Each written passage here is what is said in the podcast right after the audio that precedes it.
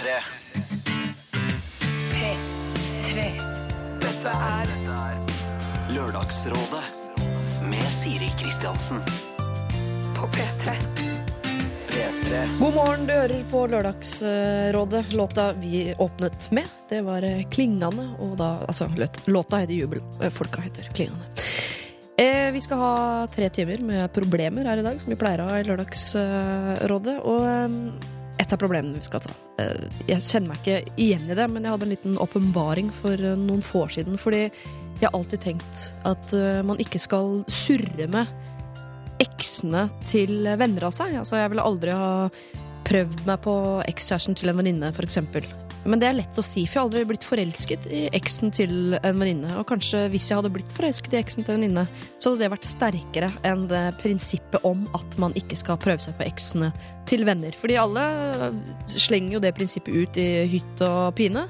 Men så er det jo når man først da blir forelsket i en som bryter med dette prinsippet, ja, så er det alltid plutselig viktigere. Det er vanskelig å sette seg inn i hvis ikke man har opplevd det. Men så flyttet jeg til et lite sted fra store Oslo, hvor jeg er oppvokst, til et bitte lite sted. Og da skjønte jeg at her er det faktisk ikke uh, gjennomførbart. å ikke stå i med folk som venner av deg har stått i med før. Altså, for jeg er virkelig sånn, Hvis det er en gutt jeg har vært forelsket i, vi har ikke vært sammen engang, vi har bare klina litt, og en venninne blir sammen, det hadde ikke jeg likt. Det så jeg vært helt forferdelig. Men på små steder, ja, så må man nesten det. Man rører jo rundt i den samme lille gryta. Så jeg spurte da eh, lokføreren, for eksempel, som plutselig viste seg å ha vært sammen med en dame som en kompis av han også hadde vært sammen med. Tenkte jeg, men det er ikke helt forferdelig, kan dere se hverandre i øynene? Bare hæ, nei, det, sånn er det, liksom. Og da slo det meg at ja, noen ganger så er det bare sånn, sånn det er. Og dessuten så skal man ikke si at man ikke skal surre med andres ekser når man har vært forelska i andres ekser. For hvis man er kjempeforelsket, så klarer man rett og slett ikke å la være. Vi skal inn i dette legge an på X-problematikken eh, ganske tidlig i dag i Lørdagsrådet. Men herregud, først skal vi et eh, steg tilbake i tid, og så skal vi jo selvfølgelig få rådgiverne på plass før vi hiver oss inn i dagens eh, problemer. Og du må også gjerne hive deg inn i dagens problemer med ditt eget problem. Da bruker du mailadresse lralfakrøll.nrk.no. Nirvana hørte vi der, og deres uh, lithium her i Lørdagsrådet. og uh, apropos høre ting her i Lørdagsrådet. Vi sitter her og prater og prater og gir eh, råd.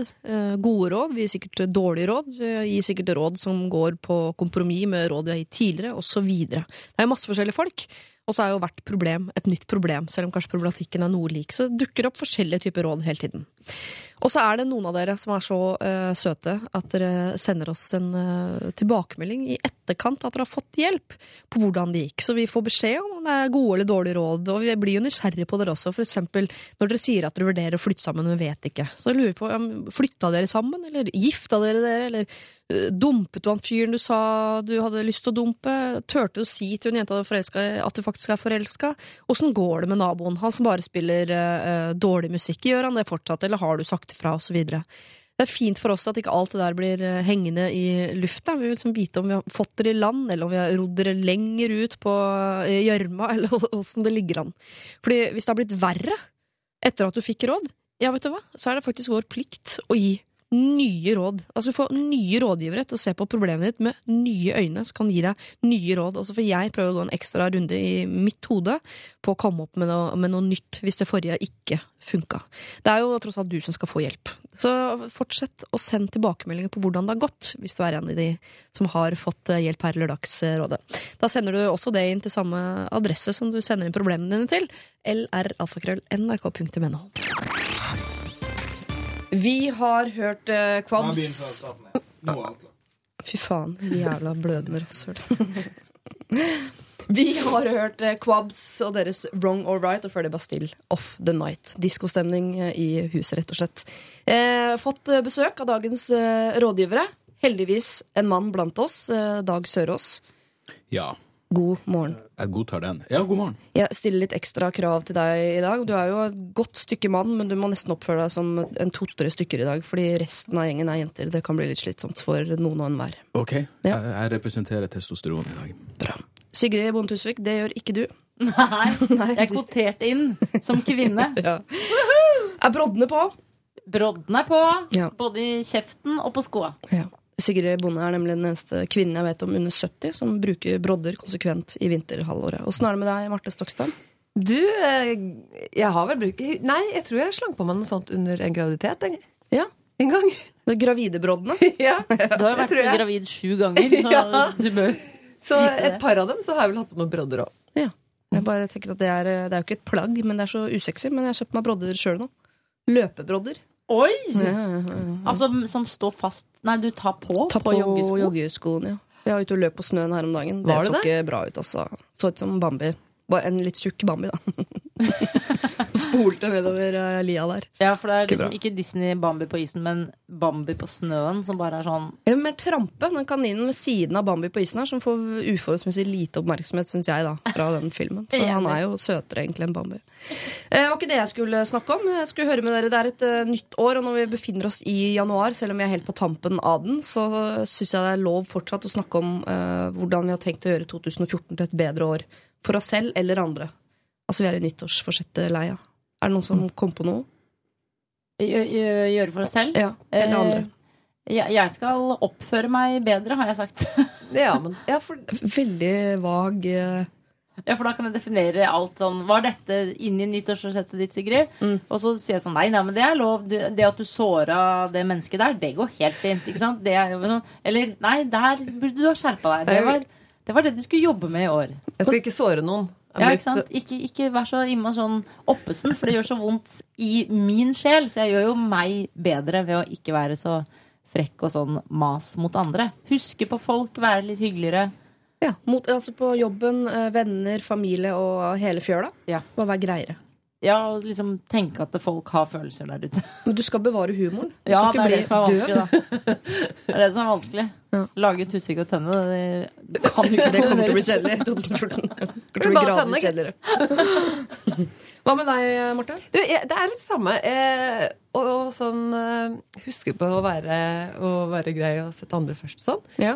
Veldig greit å tenke på. Er det litt sånne seigt i livet å gjøre sånn den endringen? Du slapp noe av. Jeg kan da ta og børste vekk den snøen på frontruta di. Og det hadde lokføreren gjort på bilen min i dag morges. Ja, og det har kjæresten min gjort òg. Han var ute og måka hele gårdsplassen for meg. Eller ikke for meg, da, men for familien. Ja, For seg selv. Det hadde Eh, ikke du gjort. Her en dag, vet du hva han gjorde? Nei. Han satt inn Jeg har jo elbil. Det er jo ikke noe kupévarmer akkurat. Så han hadde gått ut, og han sier ikke noe om det, han hadde gått ut med en sånn bærbar sånn ovn. Ja. Og satt ut med skjøteledning og varma opp bilen for meg. Nå. Altså med en svær sånn stråleovn. Livsfarlig. Det er livsfarlig. ja. Det der er jo Du kjørte av gårde med den heter det der. Og det jeg sa til han er, Hvis jeg hadde gjort det, så hadde jeg krevd så mye tilbake. Ja. Nå kan du bare gjette hva jeg har vært ute og gjort på morgenkvisten for deg. Altså Man trenger feedback. Eller jeg trenger feedback på det. Da Han bare gjør det i det stille. I sokkelesten bare Tror ikke vi skulle få en sånn koselig romantisk oral historie fra hva du hadde gjort i dag morges, men nei. Slang meg i bilen for å rekke dette. Dag, hva tror du er det mulig eh, å så sent i livet bli et hyggeligere menneske? Jeg vet ikke. altså Mitt eneste nyttårsforsett er at jeg skal være litt mer borte hjemmefra. Jeg har vært veldig mye hjemme i fjor.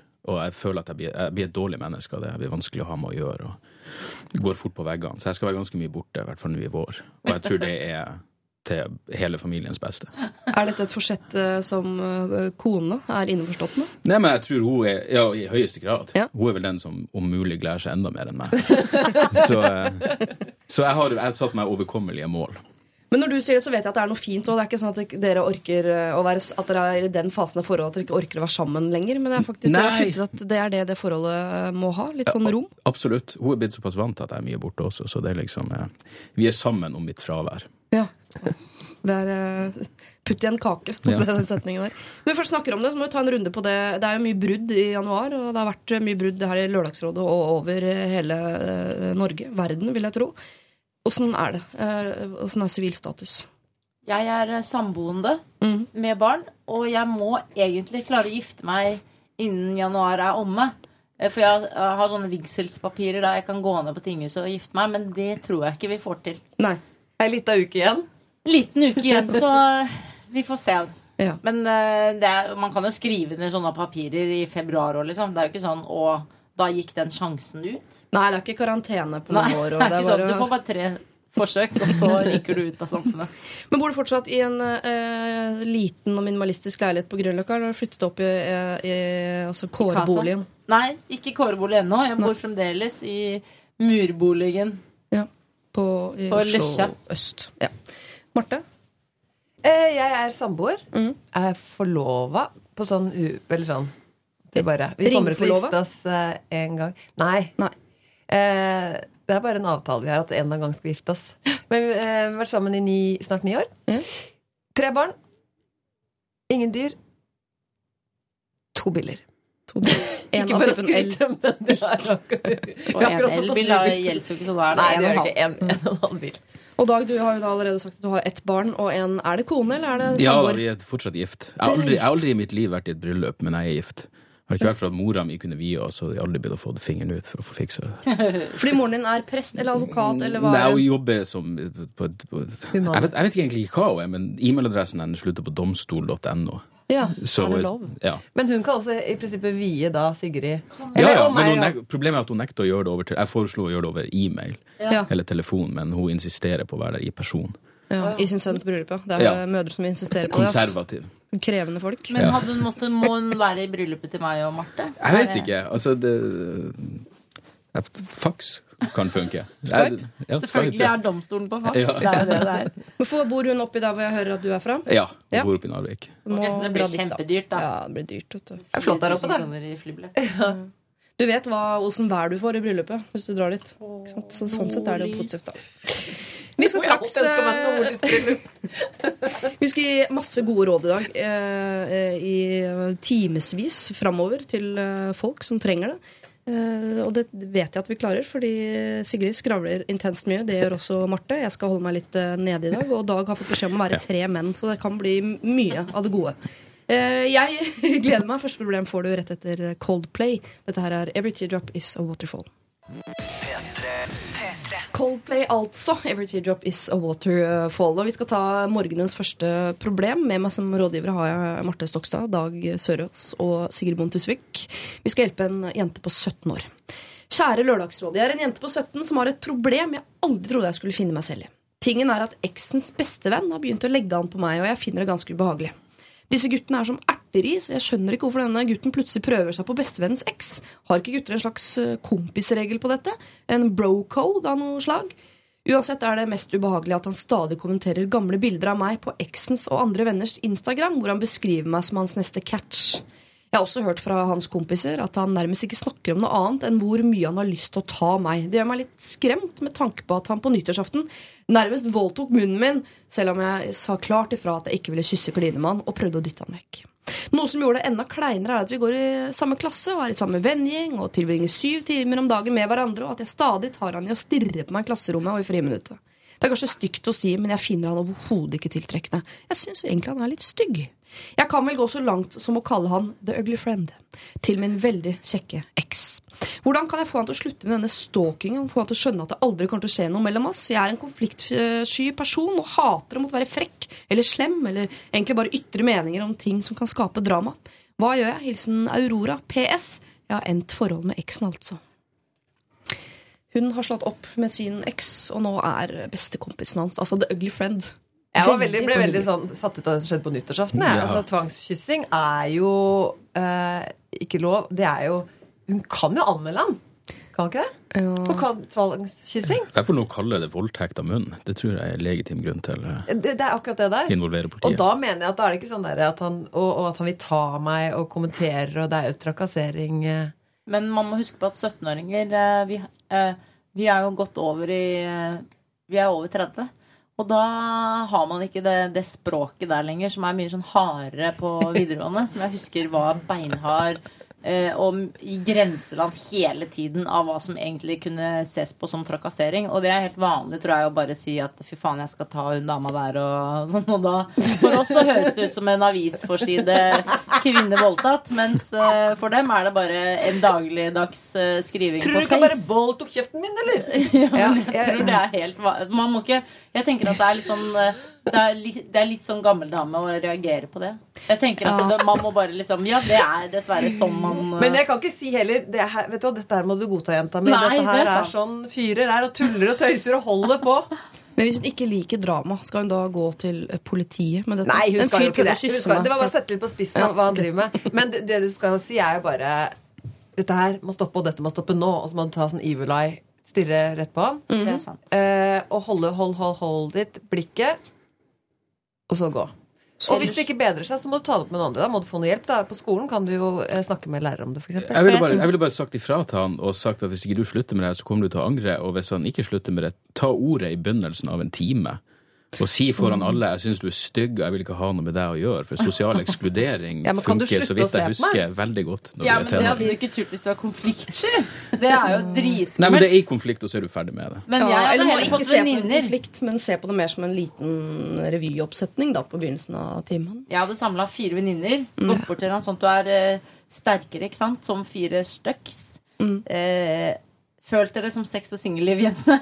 Og bare mm, mm, mm, kjørt eh, liten tale. I unna. happening-fingeren. Ja. Og bare ikke kom her, liksom. Og ikke tro at du er noe. Altså sånn kjøre Og så er han sånn fyr som på syns at hun da er enda vakrere, for han er, hun er sånn dame som ikke lar seg pille på nesa, og da bare da vokser han nedentil Men du- men, Men eh, når jeg tenker på det, hvis jeg er 17 år når jeg, Da var jeg 17 år. Så um, ville jeg vel kanskje ikke turt å gjort det selv, men jeg hadde kanskje sendt fire venninner, men ikke vært med selv. Ja, jeg også. Og, og instruert dem. Hør nå her, hva dere skal gjøre. Ja. Men at, at noen venner går bort og sier vet du hva, hun syns det er veldig ubehagelig, og at du stirrer på en timen. Eh, hvis du ikke slutter, så kommer vi til å ta det videre. Prikk, prikk, prikk. prikk. Til rådgiver. Uten til rådgiver. Nei, jeg trenger ikke å si Det må ligge litt sånn i luften. Er det politiet? Er det rådgiveren? Er det mora mi? Han vet ikke, og det skal han være litt redd for. Og så utestenge han fra Instagram. Man kan jo gjøre det. Det kan du, lukke sånn- han ut Kan av du lukke sosiale medier. Og så syns jeg også man skal, kan ty litt til venner. For alle uh, vennegjenger har en sånn i vennegjengen som er sånn som elsker å gå bort og lage drama og være frekk og streng mot denne gutten. Som bare venter på anledninger på vegne av andre. For Hun har brukt opp sine egne. Jeg snakker av erfaring. Eh, Men jeg lurer på denne bro-koden hun eh, refererer til. Fins den hos dere gutter? Hva det var? Bro? En bro-code, altså en brødrekode som er sånn ikke, rør, ikke prøv deg på dama til L, eller eksen til en kompis. Det gjør vel egentlig det. Jeg er en kompis nå som er sammen med ekskona til bestevennen sin. Og det er dårlig stemning der. Men han regner med at det kommer til å ordne seg etter hvert. Ja. Han har fått henne, og så klarer han å fikse forholdet med kompisen sin. Så jeg, jeg vet ikke. Jeg, jeg syns det er ubehagelig Men Satser å ta tida til hjelp, da? Eller har Ja. dere tenkt å inngå noe Men så er det vanskelig, for han er jo oppriktig forelska her, så hva faen skal du gjøre? Oppi den eh, galskapen som er forelskelse, så går vel det foran vennskap i øynene hans. Så får vi se om han kommer til å angre på det. i det.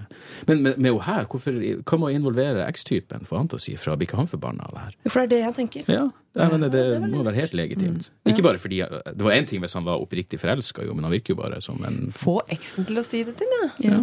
Fordi eksen liker ikke dette, tenker jeg. Han liker jo ikke at kameraten prøver seg på eksdama hans som dumpa han. Det virker jo som om han er en ålreit fyr. At selv om de, det er slutt, så øh, virker det som at de har et greit forhold. Hun kaller han fortsatt for veldig kjekk, og det gjør man ikke uansett hvor kjekke folk er hvis man er sure på dem. Nei.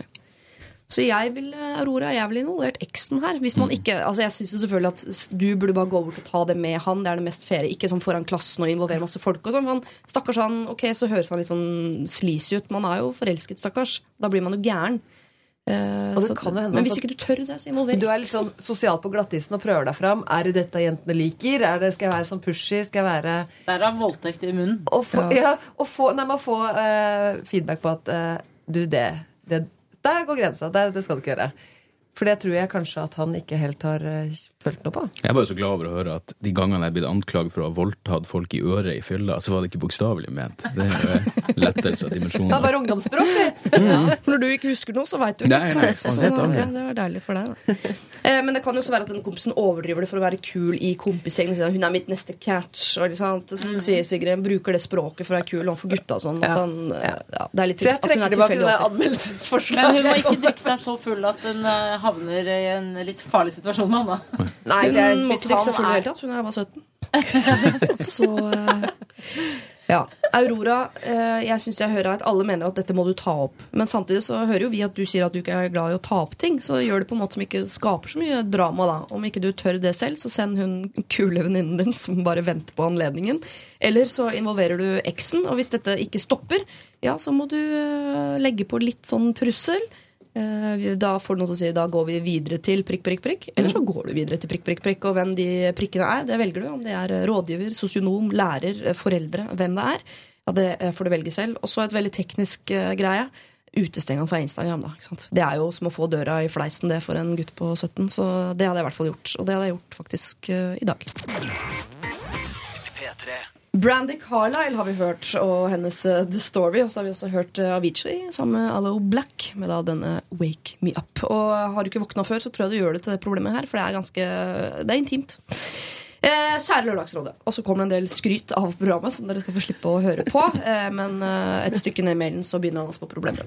Denne gangen er det min tur, og mitt problem er det nok mange andre som deler. Etter å ha forsynt meg i mange år av naturens fruktfat, altså kvinner, så fikk jeg for en tid tilbake påvist kjønnsherpes. Jeg fikk totalt sjokk og trodde at både mitt sosiale og i hvert fall mitt seksuelle liv nå var over for godt, men jeg overlevde. Etter å ha lest meg opp på temaet herpes har jeg funnet ut at det er ikke så farlig i det hele tatt. Jeg har hatt ett lite utbrudd for et halvt år siden, fikk piller av legen og etter to-tre dager var alt som normalt. Og det viser seg at hver fjerde seksuelt aktive person i Norge faktisk har dette viruset i kroppen. Dersom en eller flere av dere i studio rødmer nå, så vet vi hvorfor. Mange vet ikke engang at de er smittet, og dermed uvitende sprer det seg videre. Her er det mye sånn Man prøver å gjøre det allment. ikke sant? Men så til selve problemet og årsaken til at jeg trenger hjelp av Lørdagsrådets kompetente eksperter. Bør jeg, eventuelt hvordan, forteller jeg en ny partner at jeg har herpes? Som singel så forsyner jeg meg fremdeles av nevnte fruktfat og sliter stadig vekk med dette dilemmaet. Men dersom jeg forteller før vi har sex at jeg har herpes, så er jeg jo rimelig sikker på at det ikke blir noe på meg. Og det ønsker jeg jo ikke. Siden dette er et tabubelagt tema, så er det lett å velge å ikke si noe og la det gå som det går. Kan jeg fokusere på statistikken og tenke at hun eh, mye muligens har herpes fra før, hun også? Så da er det bare å kjøre på uten å si noe. Og da har jo ingen av mine tidligere partnere opplyst meg om at de har herpes. Og det er i hvert fall én av dem jeg har vært sammen med, som har blitt smittet. Regner med at Lørdagsrådets umiddelbare råd er å bruke kondom. Greit nok. Det gjør man kanskje i starten, men slutter med det etter hvert. Jeg har også vært med noen damer som er allergisk mot kondom. Så da har jo uansett ikke det vært et tema. Så kjære Lørdagsrådet, hvordan skal jeg forholde meg til dette dilemmaet? Hilsen gutt i slutten av 20-årene med litt dårlig samvittighet.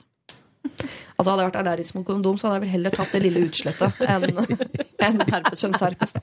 Skal sies. Eh, jeg skjønner jo dilemmaet hans. For han, det er jo ikke så folk tror det er farligere enn det er. Det må vi bare bli enige om. Det er ikke så farlig som folk skal til. Eh, men hvis du sier det litt sånn uh, idet du liksom biter av trusen Sier sånn «Jeg har mange som har dette, det. ja, har, Ja. Men statistikken sier at det har du vel fra før. Ja. Så stopper det antageligvis der. Og det, jeg skjønner at han ikke ønsker det. Da det er gøy unnskyld, og allmenngjør det. Og det er jo, eh, er jo mange i Norge som har det. Ja. Eh, så det er jo greit. Men det, det, man må jo si noe om det.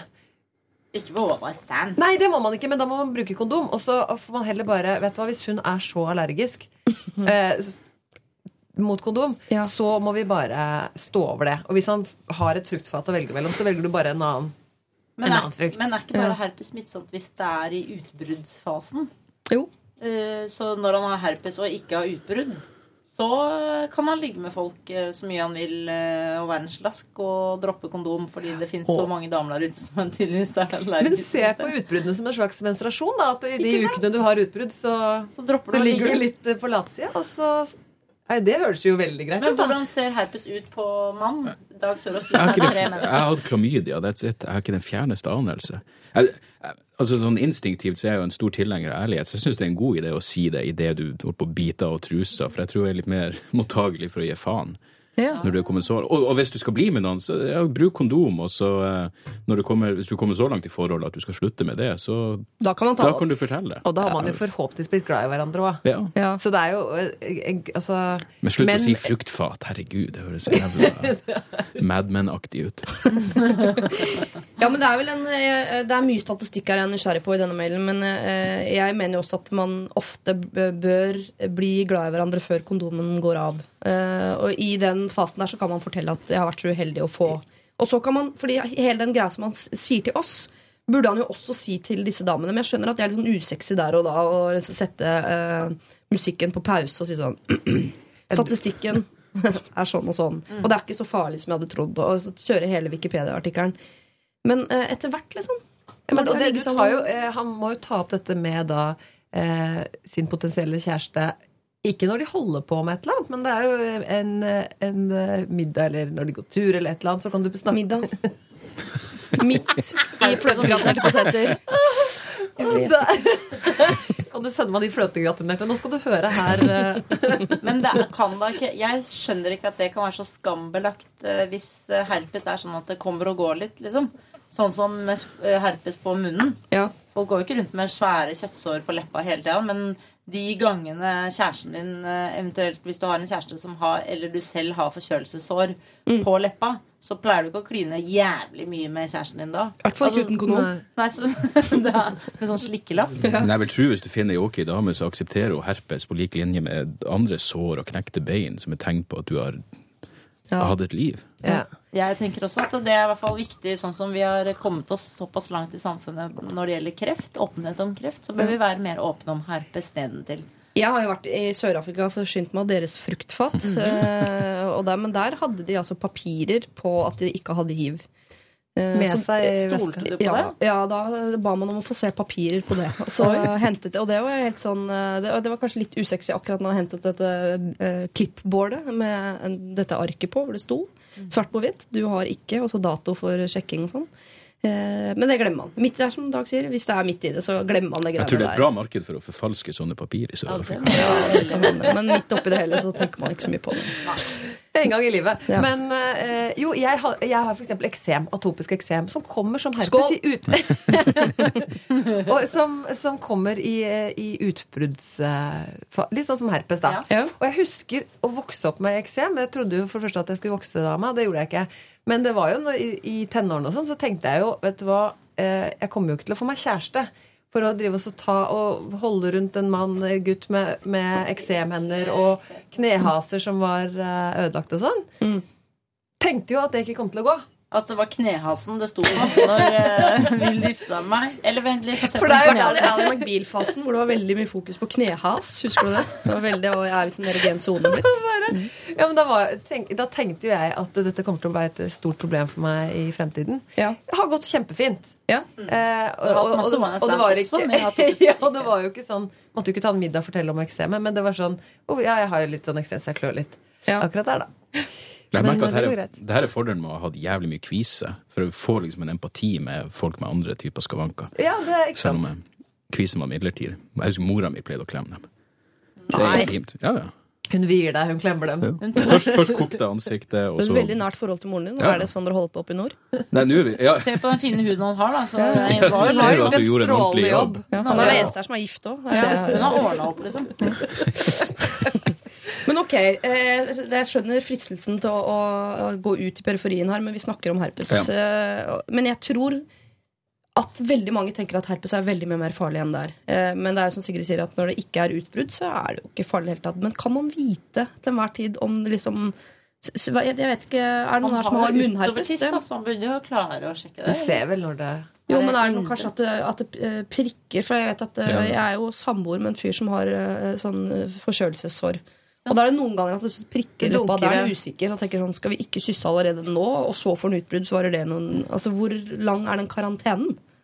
Nei, men Kan dere ikke ta og så leie hverandre ned til legevakta så høre litt? Sette dere ned også og ta en Dette prat? må Juntafil ta Vi sender det over. Den den dybde, dybdeherpes-samtalen må Juntafil ta seg. Ja. Ja. Men dere er kan, google, dere kan google litt sammen og tenke sånn dette er en, en en liten utfordring vi har. Mm. Sett dere med laptopen mellom dere, og så, og så googler dere.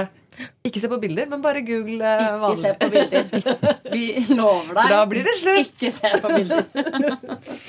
Ok, eh, Det jeg tror du skal eh, gjøre, gutt i slutten av 20-årene med litt dårlig samvittighet, eh, fortsett å forsyne deg, men ikke bruk det ordet, eh, helst. For da klikker det for eh, Dag Sørås. Eh, Men det du kan gjøre, er at i de fasene hvor du ikke har utbrudd, da, eh, som jo er stort sett sikkert eh, i hvert fall 90% av året, at du ikke har det, så kjør på. Det går greit. De periodene hvor du har utbrudd, så la det være. Altså, ikke bruk kondomet. Bare la det være. Ligg hjemme og klø og blø. Eh, og så I de situasjonene hvor du er helt usikker, så bruker du kondom. fordi hvis du skulle være så uheldig å møte en jente som er allergisk mot kondom, så tror jeg det er bedre enn å bli smittet allike, allikevel. Og så når du begynner å bli glad i dama, ja, da kan du ta det opp. Helst ikke over middagsbordet, men i en eller annen eh, gitt situasjon hvor du tenker at her er det eh, rom for slikt. Og da er jeg helt sikker på at hun også eh, forteller om sin skavank, for alle har vi én til fem skavanker. Eh, så lykke til med det. Kanskje hennes er verre. Det hadde jo vært helt topp for deg og ditt selvbilde. Eh, Dette går bra. Hilsen Marte Stokstad. Atopisk eksem. Tiny Tempa sammen med John Martin, 'Children of the Sun', var det det der. Og vi skal over til et problem som er noe eldre. Altså det er en eh, dame litt mer opp i åra som har dette problemet enn de to foregående, da. Eh, Marte Stokstad er rådgiver i dag, sammen med Sigrid Bonde Tusvik eh, og Dag Sørås. Du ser utslitt ut, Sigrid. Du ligger over bordet. Ja, det er eh, Jenny Tusvik Gøndal. Hun eh, var varulv i natt. Ja. Våkna fire, var Jeg sa 'skal du prate så lenge'? Hun sa ja, faktisk. Skal jeg ta en prat? Har du mye til å prate? Nei, men hun tror hun kan prate. Eh, mor Så- tror. Jeg, er, jeg, jeg hadde en knekk. Liten knekk. Eh, prøv å våkne opp til dette problemet. Jeg skal lese det. Ta deg en kopp kaffe. Hei, jeg er skilt og har to barn. Vi planlegger å leie et feriehus sammen med mine to søsken og, våre felles, og våres felles mor til sommeren. Mine to søsken er gift og har barn, de også. Dilemmaet mitt er hvordan vi skal dele utgiftene. Jeg har jo bare én inntekt og har ikke så god råd. Mine søsken med ektefeller har to inntekter. Mamma er alene. Skal vi dele utgiftene på fire familier eller seks, siden det er seks inntekter? Jeg burde snakke med de om det, men jeg føler meg så kjip for å presentere dilemmaet. Jeg håper dere kan komme med noen gode råd. Hilsen singel søster. Ja. Mm. Her har jeg et godt råd. Ja. Eh, det er å si at eh, Å, gleder meg til ferie! Å, det blir fint! Kan ikke dra hvis det blir for dyrt. Jeg Ja. har veldig lyst til å være med. Eh, kan vi se hvor mye det cirka koster? Og så si at eh, jeg har ikke råd til å betale like mye som dere. Det er, eh, er jo veldig forståelig, det. Ja, Og særlig til søsken. Altså Hvis du har så kjipe søsken at de er sånn Da blir det ikke tur til Kan du ikke betale like mye som oss? Nei, da gidder vi ikke å ha med deg, lillesøsteren, eller hvem det er. Ja. Det er jo veldig rart. Det må jo kunne virkelig være lov til familie å si at man eh, Altså, Jeg har jo dratt veldig mye på tur med min søster, som Ja. har mye dårligere råd enn meg. Hun jobber med menneskerettigheter, og da skal du ikke Ha god råd. ha penger. Nei. Eh, dette eh, bærer jo Er det for å re- kunne relatere til eh, kunden? Som jeg liker å kalle Ja, det? så kunden ikke surner. Ja. Og så, eh, når vi er på ferie Vi var f.eks. i påsken i fjor i Marbella. Da eh, måtte vi kjøre rundt. Jeg leide bil, betalte hotell, alt mulig. Hun sier hele tiden 'jeg skal betale etterpå', og jeg tenker 'jeg lar deg tro at du skal betale meg tilbake', sånn at din samvittighet eh, liksom tenker at 'ja, men jeg låner bare penger nå', Ja. så skal jeg betale tilbake når jeg får eh, da feriepengene. Ja, feriepengene er liksom det hun alltid sier. Jeg venter til feriepengene, så skal du få det jeg skylder deg. Og så tenker jeg sånn Jeg håper du glemmer det når feriepengene kommer. Ja. Av og til så kommer det en sånn 2000 kroner, så sier jeg hva er det her for noe? Det var når vi dro til Georgia i 2008. Så, så liksom har hun kommet på det da. Ja. Men, eh, men Hvordan klarte hun å bruke derfor så må 2000 kroner i søsken- Georgia? Ja, vi gjør ofte det i vår familie. Og da må søsken være rause. Eh, De som har mer penger, må liksom alltid tenke det lønner seg alltid å spandere på andre. Ja. Og ikke la dem skamme seg, for penger er så skam. Men da er du på andre siden av problemet, for det kan jo hende at uh, singel søster her har to uh, søstre som er litt sånn kjipe og gniende. For det er, det er, dem er det jo en del av der ute. Det går vel muligens an å involvere mora hvis det er litt kleint der, og si det, forklare situasjonen til henne og be henne ta det videre. Men det er jo Sier jeg som har et usedvanlig nært forhold til mora. dette var, dette var bare mor, ikke sant? Det var ikke noe far. Nei. Og da er det to single, søs, altså søsker, søster én med mann. Det er to. Søster to med mann. Det er to. Søster tre singel med mor. Single. Så da deler de to. Så da deler man egentlig husholdningen i tre. For de er seks voksne. Ja. Så mor og hun her må Går sammen på en som et måte par. gå som, som par. Men de må jo ha hvert sitt rom på denne ferien. Må ikke det, men Jo, ja, for hun skal det ned med to barn. Hun deler kan ikke det. det nei. Nei. Eller Dag hadde selvfølgelig gjort det, men oh. oh, ja, fordi, ikke sant, for Bor de i leilighet, så er det jo, da splitter man hele beløpet på leilighet på tre. Men hvis det er hotellrom, så blir det dette eh, romstyret. Men det er jo Kanskje du skal betale for bo selv, og så at maten Jeg vet ikke. Jeg Men tror, er det ikke sånn man betaler bare for seg selv? Altså Er det sånn at folk sier sånn Da har vi bestilt, og da deler vi bare på tre. Ja, men hvert fall når man, ikke, når man ikke har problemet, så kan man ofte tenke sånn Herregud, er, vi deler på tre, det er det letteste. Er det mange som kan si. Og så Ja. tenker de ikke over at singel søster Hun er jo pl- plutselig en, Og jeg skjønner at hun syns det er vanskelig å ta det på, for hun er jo vant til å være to, og de hadde den samme økonomien, alt var greit. Så plutselig sitter du der. Og så er det litt skam på økonomien, og du syns det kanskje er litt flaut, og du vil ikke ta det opp og sånn. jeg, husker, jeg husker jeg hadde veldig veldig dårlig råd eh, en periode. Og da var jeg invitert i et eh, Noen skulle på dinner, sånn fin restaurant i Oslo. Eh, og jeg kom seint med vilje, for jeg ville at de skulle begynne å spise. Sånn at jeg bare kom og så fikk, tok Jeg tar bare slenger meg ta en forrett. Og så setter jeg meg ned, og jeg droppa til og med forretten og gikk eh, rett på et glass vin. Og drakk to glass vin eller noe sånt. Og da hadde de sittet her i timevis før. Og så kommer bomben. Da tar vi vel bare oss og splitter regninga på de som er her. Og da turte du ikke å si noe. Og sånn måping, Sigrid, som du har nå. Sånn satt jeg også. Ja. Og, og, og da turte jeg ikke. Jeg var liksom litt underdog i det selskapet, følte jeg selv. Så da eh, var det fram med, med kort og lånte penger. Nei, jævlig, altså. Så sitter jeg, de har spist og gassa seg, hele gjengen. Og det var to som drakk konjakk. Å, Nei. Det er veldig ofte rike folk som sånn vil splitte regningen. regningen. Ja, men det, det, er fordi, det, det, det som er fordelen med å ha dårlig råd, er at du forstår sånne situasjoner mye bedre. Hvis du bestandig hadde penger, så tenker du sikkert ikke på det. Det blir mer sosialt smart, da. Mm, absolutt. Har du ikke sett den Friends-episoden hvor Phoebe syntes det var vanskelig at de alltid skulle kjøpe så dyre gaver til hverandre? Hun hadde ikke råd til å være med på det der. Men nå hadde du fortsatt råd til å bo i Central Park. Ja, ja. ja, ja. Men jeg, jeg tror at hun må si det før de drar. Eh, og så er det jo eh, Man kan bli litt sånn irritert selv om man vet at folk eh, har dårlig råd. Hvis de forventer og hun forventer hele tiden at jeg skal betale. De andre søstrene kan bli litt sånn mm, gretne på det. Men hvis de vet at hun stiller seg litt sånn sårbar og sier vet du hva, jeg har ikke råd til å dra på den ferien egentlig hvis jeg skal betale og være med på alle de tingene. um, sånn at de vet det, og så kan de heller føle seg rause og, og få god uh, samvittighet ved å si Men vet du hva, jenta mi? Vi er så nedlatende å si jenta mi til søstera, ja. til den fattige søstera. Ja. Eh, eh, vi kan hjelpe deg, eller det ordner vi. ja, jeg, altså, jeg tenker at eh, ikke noe hinting. Her må man liksom, må faktisk ta en konfrontasjon på det og si fra. Fordi selv om det blir en sånn Ok, da eh, splitter du og mamma Altså Vi deler det på tre. Du og mamma er en enhet, og vi er en og så videre. Ja. Men så kommer det nettopp de der eh, De skal sikkert til Danmark. Da han er hører feriehus, så tenker jeg Danmark. Ja.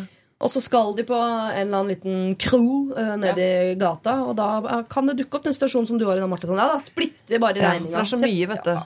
Jeg tror hun bare må være veldig ryddig i forkant. Si sånn, jeg har eh, veldig dårlig råd. Jeg skal klare å skrape sammen for å bli med, for jeg har lyst til å tilbringe ferien sammen med denne. Barna har gledet seg til å være sammen med dere.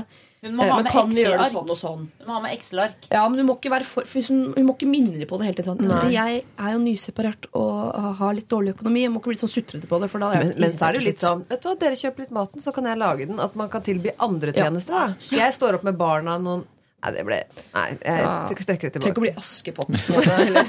Jeg plukker går opp i de linsene. Det Hell bønner og linser utover. Det tar jeg og duevennene mine, og så sorterer det på slutten av dagen. Nei, men Snakk om det nå. Ja. Og si, eh, og tru, ikke tru, men si Så jeg, jeg har veldig lyst til å være med, men vet du hva, da kan jeg kanskje ikke være med. For Jeg da sier de. Men skal man true med det? Da kan ikke jeg være ja, med. det går an å være ærlig om trua, men si økonomien. For det er jo, det er jo litt eh, ærlighet antageligvis også. At jeg Ja. kan virkelig ikke være med hvis vi eh, skal gå og flotte oss på sånne dyrerestauranter og sånn. Og det, De er jo i planleggingsfasen, så det må sies nå før de booker det der feriehuset som er sånn Vi tok syv ekstra soverom og et 50-metersbasseng med hvor det har vært VM tidligere. For det er jo veldig prisforskjellig i Danmark, da. Er det altså Men unngå selvmedlidenhet. Da er det bedre å bare være hjemme, tror jeg. Ja, enig. Men kan hun, jeg spør Dag eh, på dette, eh, kan hun gå til moren også og si er det mulig å få noe ekstra? Kommer selvfølgelig an på hvilke forhold de har. Ja. Kunne du gjort det, da? Eh, ja, det Ja. kunne jeg. Jeg mener, jeg var seriøst langt Altså teknisk under fattigdomsgrensa frem til jeg fikk fire år siden. eller noe sånt. Så, um, så jeg har veldig jeg sympati for henne. Det kommer an på hvilket forhold hun har med mora. I hvert fall si til mora kan du eh, Igjen, jeg er enig med dere, unngå hinting, men uh, hvis du er komfortabel med å spørre mor di om hjelp, så gjør det. Hva faen. Forskudd på arven og bla, bla. Jeg, Forskudd på å bruke opp den på det feriehuset. men det er kjipt å dra til Danmark på arven. Men uh... Har ikke skaffet deg kredittkort, så er det Klipp kredittkorta Ja, og gjør det nå. Eh, Singel søster, masse medlidenhet herfra, og uh, det der kommer til å ordne seg, men du kan ikke hinte eller sutre eller sånn. Du må være ganske sånn uh, konkret på at det, dette er de pengene jeg har, og jeg håper at vi får det til. Ja.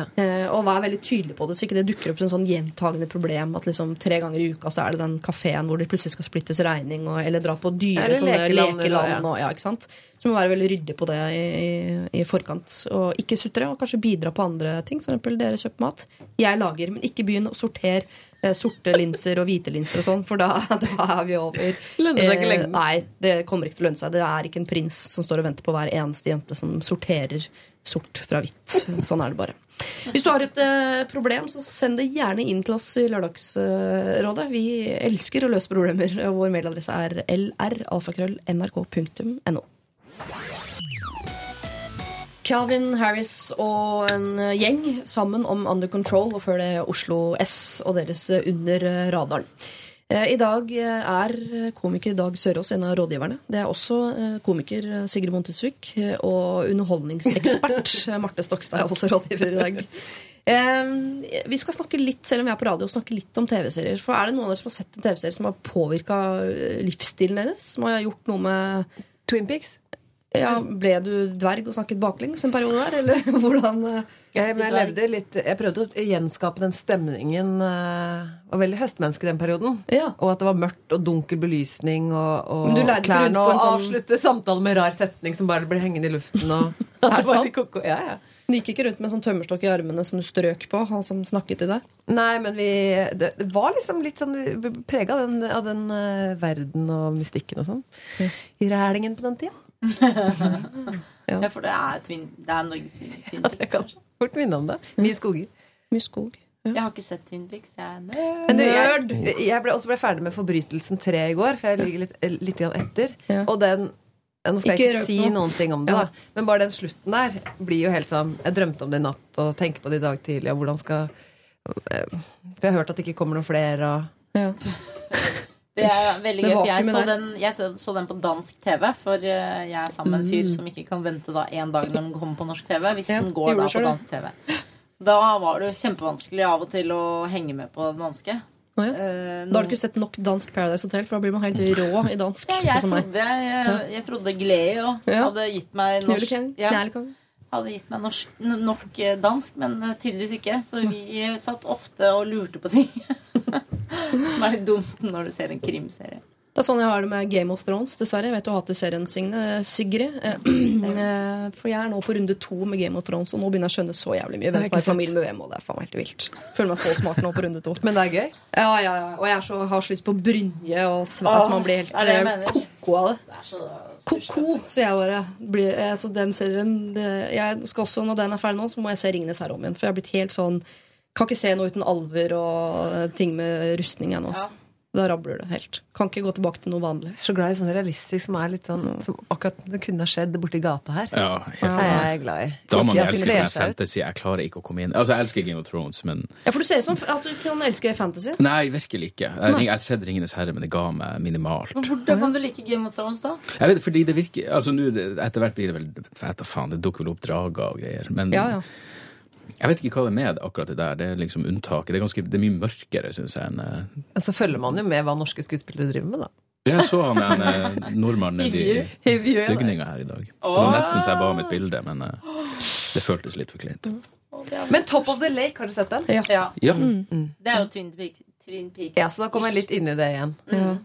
Men er, er den, Sigurd Sigrid og Dag, har dere blitt sånn, forandra dere som menneske etter å ha sett på en eller annen TV-serie? At dere har begynt jeg tror det, det høres ut som en total jævla klisjé, men jeg tror Seinfeld underbevisst påvirka meg til å få lyst til å begynne med standup. For jeg la liksom merke til at han var den eneste som ikke jobba i i vennegjengen. Han tok liksom notater av og til. Og det virka som alt han gjorde. Ja. Så det virka veldig fristende. Sånn vil jeg også det. Ja. Eh, jo, en TV-serie som har eh, inspirert meg veldig, og er litt sånn jeg bor nå, er jo Solsidan. Å ja. Svenske om, om forstaden. forstaden. Forstadslivet. Så du lager sånn babymat, eh, hjemmelaget babymat. Nei, jeg bare registrerer at det er eh, Jeg skjønner at sånne serier oppstår. At det foregår mye rart i huset ved siden av. ja. Det er veldig gøy. Men det kan jo tydeligvis påvirke. Jeg vet ikke om dere så han presten som gikk ut og mente at kirka hadde tapt kampen mot homofili osv. Og det virka som det som skjøv han over grensa til å eh, stå frem, var den eh, serien som gikk på NRK, og den uh, 'Tørka litt tårer uten hanske'. Ja. Eh, Ja, så det kan jo ha en veldig positiv positiv Den er veldig rørende, da. Ja, den har jeg lyst til å se. Den bør du nok se. Tørk heller tårer med runkehåndkle, som jeg syns det burde hete. Men uh... Sesong to. det burde være. Sesong to. Vi, vi skal hjelpe en fyr som har en dame som har blitt påvirket av en TV-serie, men i en retning han ikke helt vet om han kan like. Eh, og eh, hvilken TV-serie det er, og hvordan påvirkningen den har eh, gitt henne, det får dere vite straks. Men først skal vi høre What to do when awake within a dream, med altså disse gutta som har muligheten til å vinne Urørt-finalen. Hvis du stemmer. Nå eh, tipper jeg at du som hører på, har sittet og lurt på eh, hvilken TV-serie og hvilken påvirkning vi skal begi oss inn på. Og det tror jeg også rådgiverne har gjort. Sigrid Mont Husvik, Dag Sørås og Marte Stokstad. Eh, det kommer litt etter litt her. Kjære Lørdagsrådet. Jeg er for øyeblikket lettere sjokkert etter å ha snakket med kjæresten min på telefonen i kveld. Noe vi for øvrig gjør hver eneste kveld i midtuken, siden vi er helgependlerforhold. Som seg hør og bør snakket jeg om løst og fast, tant og fjas, vær og vind osv. Alt var så normalt før hun brått penser temaet over på at hun har blitt seksuelt opphisset på ungdomsspråket kåt av noe hun så på TV mens hun bedrev rask innendørs stillegående gange på tredemølle. Overraskelsen over at hun kunne få en sånn reaksjon når hun ser noe annet enn meg, er definitivt begrensende og fullt forståelig. Men når det viser seg at hun eh, så på såpeserien The Big Bang Theory, er jeg ikke helt sikker på hvordan han skal takle det. Han skriver veldig kunstnerisk og flott, så man må følge med litt her. Hva mener dere i Lørdagsrådet? Hvordan kan jeg takle at det viser seg at hun blir yr i luggen, nytt uttrykk for meg, veldig gøy, eh, og mo i knærne av å se på Penny og Leonard, som velger å lukke døren etter seg når de tar turen inn på soverommet? Må jeg bli like nerd som Leonard? Riktignok er jeg lærer, men det er fremdeles et meget godt stykke igjen til at jeg er på samme intellektuelle nivå som karakteren i denne serien. Det er tross alt ikke uten grunn at regjeringen jobber med et såkalt lærerløft. Hjelp meg, kjære Lærerdagsrådet. Jeg vil ikke bli så nerdete. Jeg kan godt anlegge samme frisyre og kjøpe nye briller. Men må jeg bli en komplett nerd for å klare å tenne dama mi heretter? På forhånd takk for at dere hjelper meg. Hilsen Torgeir. Av sikkerhetsmessige grunner uten etternavn. Torgeir heter han. Torgeir, altså Torgeir med H. Torgeir med H. Jeg er så ute. Hva er den serien? Det er det eh, Big Bang Theory er en veldig morsom eh, Det er jo ikke en såpeserie, det er en sitcom om Ja. fire ekstremt smarte gutter og en jævlig fin nabodame. Som ikke er så smart. Jeg tenker jo at eh, da er det litt sånn hipp som happ. Enten er det Big Bang Theory, eller så er det Norge Altså, Det spiller ikke så stor rolle, da, at hun er Ja, men plutselig så skjer det noe der òg. Å, fy fader. Eller så er det den strikkekveld på NRK. Fy fader, da var jeg kåt, ass. Fader meg 48 timer. Strikkekveld på NRK. Klarte ikke å legge meg. Men kanskje hun er bare lett antennelig. At det er litt sånn Og så var det det programmet. Det er jo Jeg tenker det er rarere hvis det er sånn Vet du hva, jeg har ikke vært, uh, vært opphissa på to og en halv måned, jeg, og så skjedde det idet Big Bang Theory Det tror jeg har skjedd her, da. Det tror jeg at Hun har aldri opplevd kåthet eh, på noen ting. Sånn, sånn sett, liksom. Annet enn med han.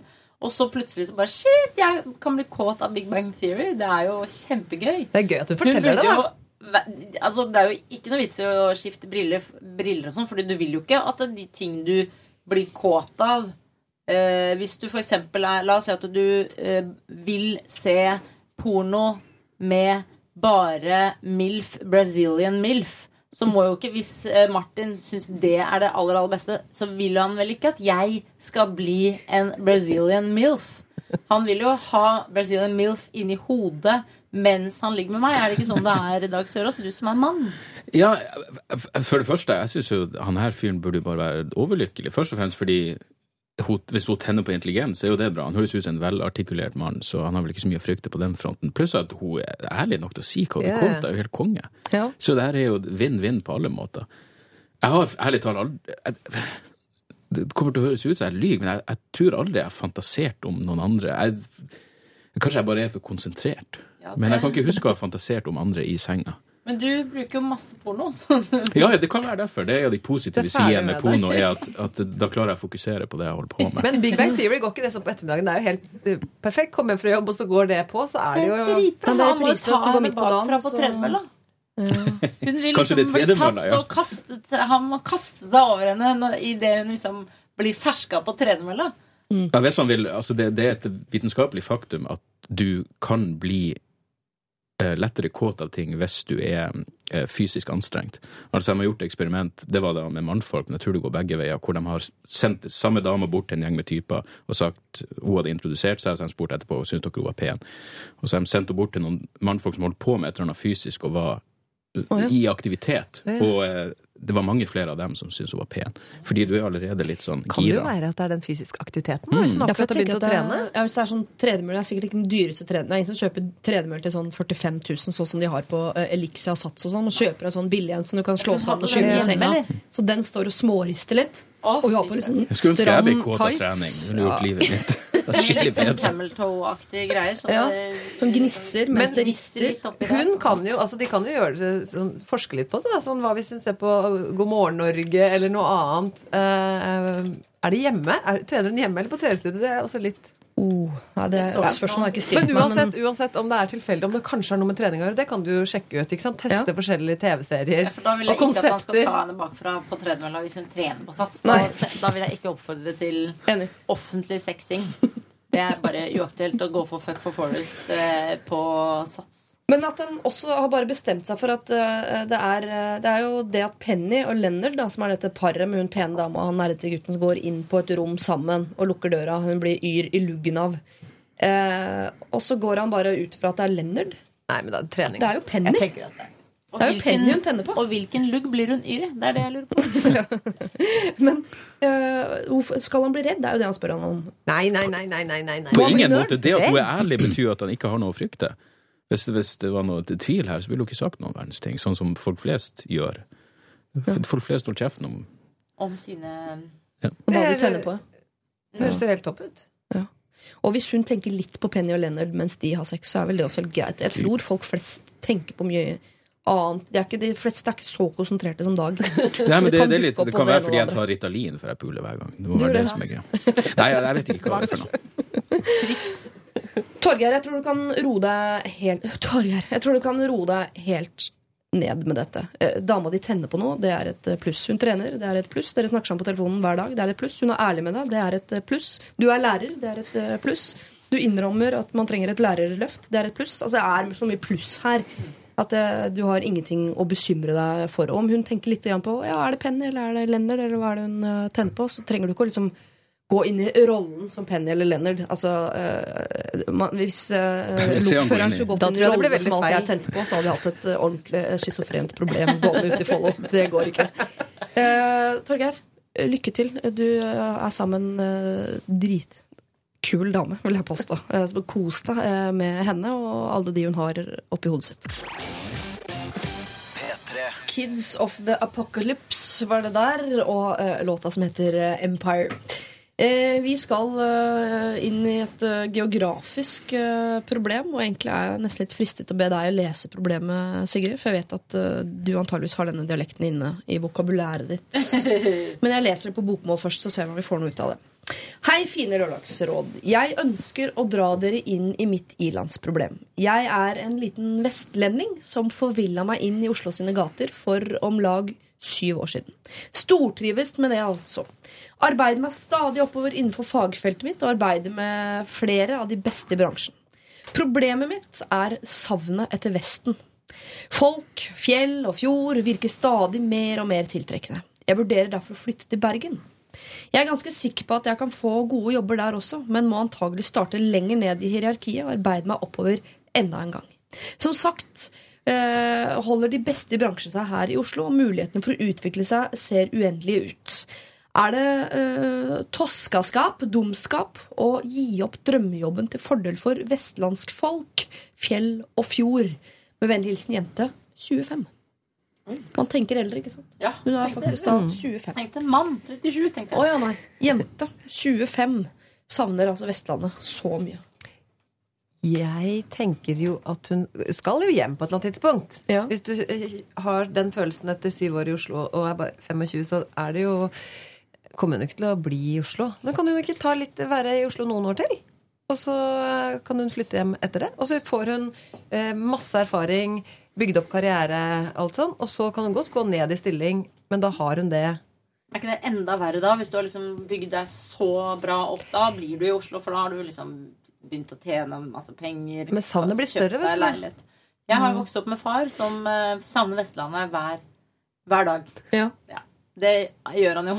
eh, og snakker jo om Vestlandet hele tiden. Ja. Så jeg eh, respekterer veldig dette vestlandssavnet, for det er fjord og fjell, eh, og de går jo i fistel når de ser fjord og fjell, og de savner det sånn eh, Man må respektere det at vestlendinger Det gjør helt vondt i hjertet deres å være i dette teppelandskapet i eh, og sikkert nordlendinger òg, kanskje. At eh, det er liksom helt flåsete å være et stygt sted når du kan være Ja.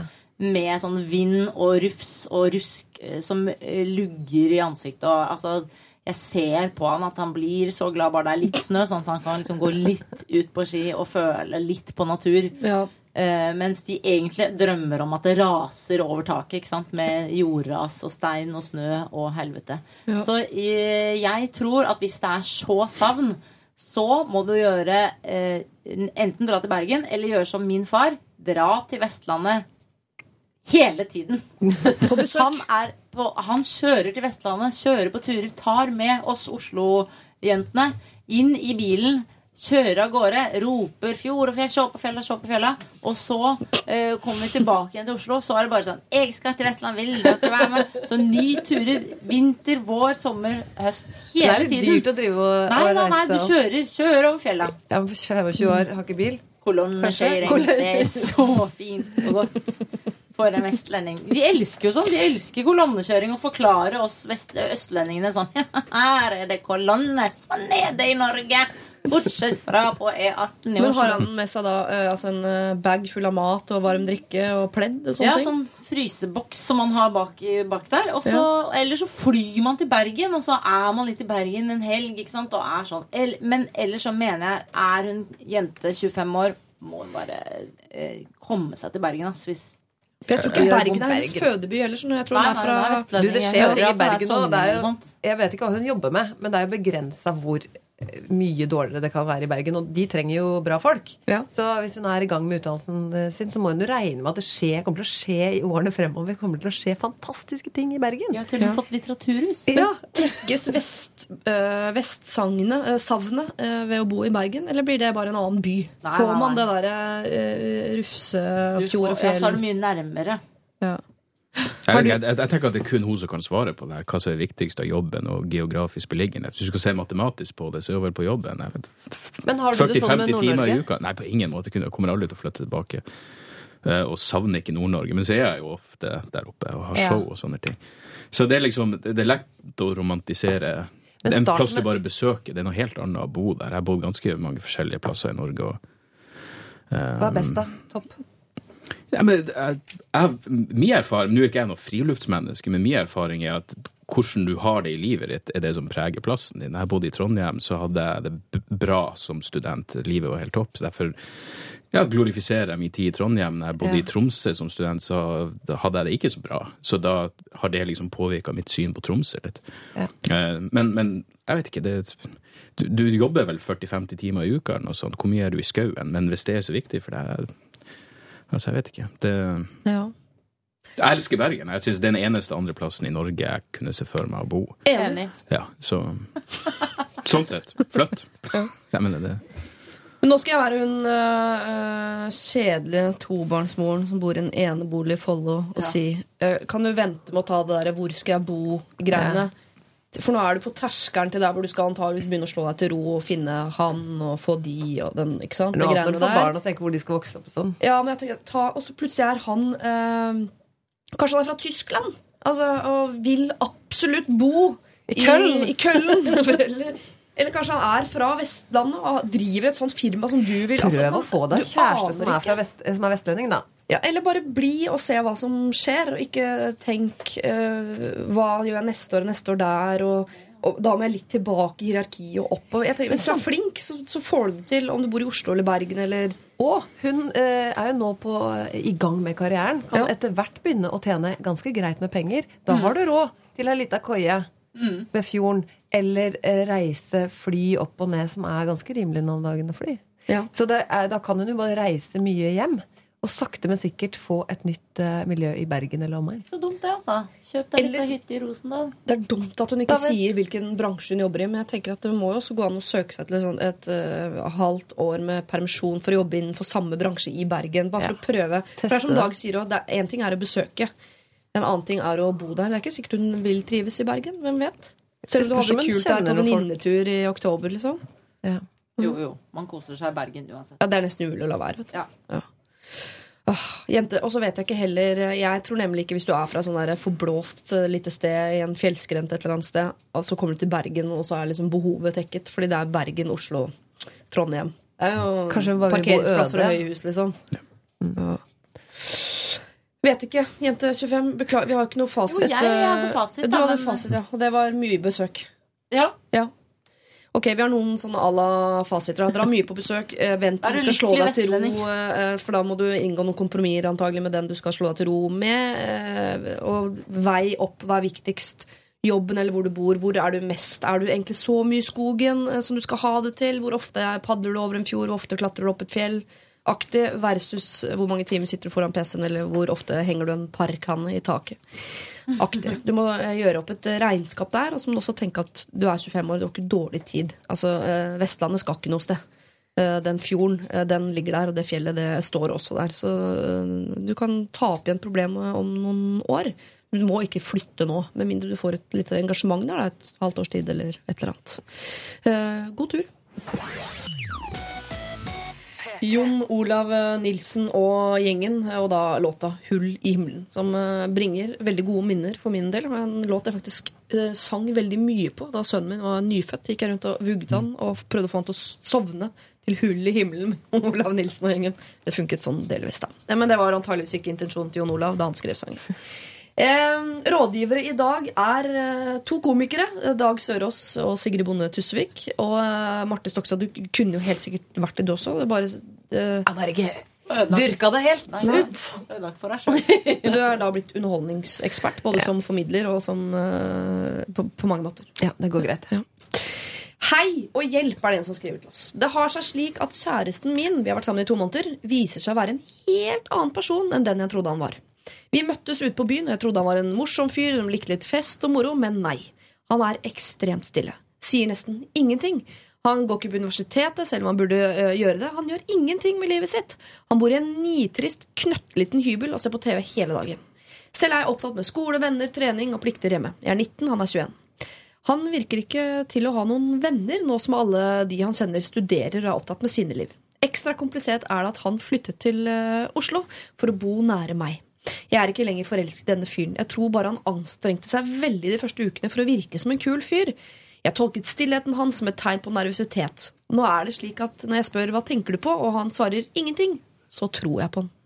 Vi har lite å snakke om. Problemet er at jeg tror jeg er det eneste lyspunktet i livet hans. Han har ikke venner, bor borte fra familie, har verken skole eller jobb. Men kan jeg være sammen med noen kun fordi jeg ikke vil såre vedkommende? Han er ekstremt vanskelig å føre en samtale med. Det blir som regel jeg som babler, og han som svarer i enstavelse. Likevel vil han møte meg hver dag, og jeg får dårlig samvittighet når jeg ikke kan eller vil. For han har ikke noe annet sted å gå. Hjelp! Jeg vil ikke såre noen, men dette funker ikke. Jeg vet han er en bra fyr med bra verdier, men han kjeder meg, og jeg skjønner meg ikke på han. Jeg skal studere i Europa til høsten, og kommer derfor uansett til å reise.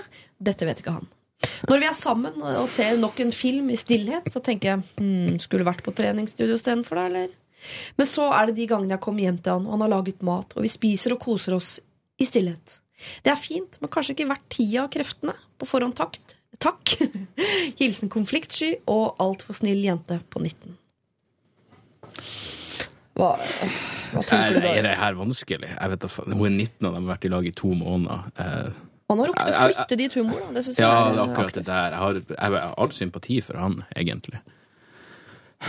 Men det skal jo være en sånn nyforelska periode et Ja. to måneder. Det her vil jo aldri vare hvis du Nei, er lei og hvis han er så eh, liksom, nede på energi og bare vil sitte inne og ikke gjøre noe Det er jo ofte sånn at når man får seg kjæreste, så murer man seg litt inne og bare vil være sammen med kjæresten, men da skjer det jo noe innenfor eh, liksom Bak dørene så er det hohoi! Det er kjempegøy! Og man prater og selv om man er rolig, så har man jo lyst til å bli kjent og være sammen med kjæresten sin. Ja. Så han virker jo ikke så innmari Kanskje han ikke trenger kjæreste, men bare noen å, ha noen der.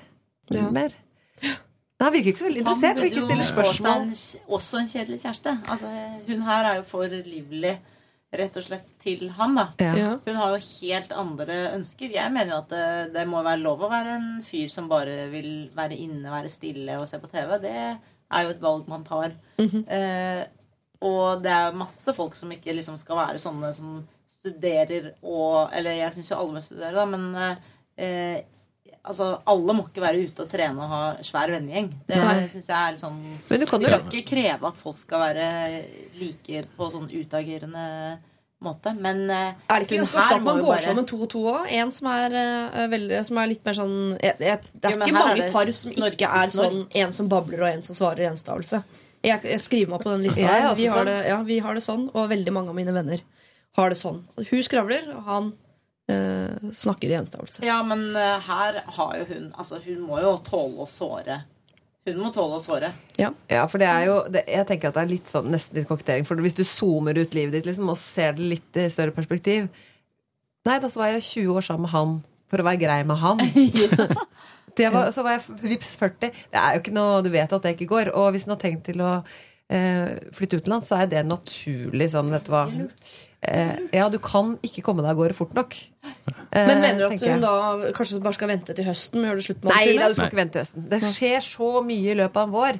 Men det han burde hvis Det kan Det, hende det skjer jo tydeligvis ingenting i løpet av Faren da er at hun er singel og møter en fyr som gjør at hun har lyst til å bli hjemme. Ja, men da er det greit, da. Nei, ja, men da, er det, da kjenner du på at da velger jeg heller det. Men det han har- La oss prøve ø, å være helt ærlig. Hvis han går inn på, på sukker eller på noen sånn nettdatinggreier, han mannen, da, råd til han også, og skriver helt ærlig 'jeg liker', check, være stille, se på TV, være inne, usosial, og se hvor mange treff man får. Det er ikke sikkert at det er veldig Hvis du er helt sånn ærlig Ja. Alle er jo veldig sånn krydd Å, venner og trening og Dykking skog og MC-lappen det er ikke måte på. Bare, og kultur og vin, og det er så mye man driver med. Turer i skogmark. og. Ja, og så er det vel noen som kanskje får litt sånn derre Vet du hva, jeg kjenner meg veldig igjen.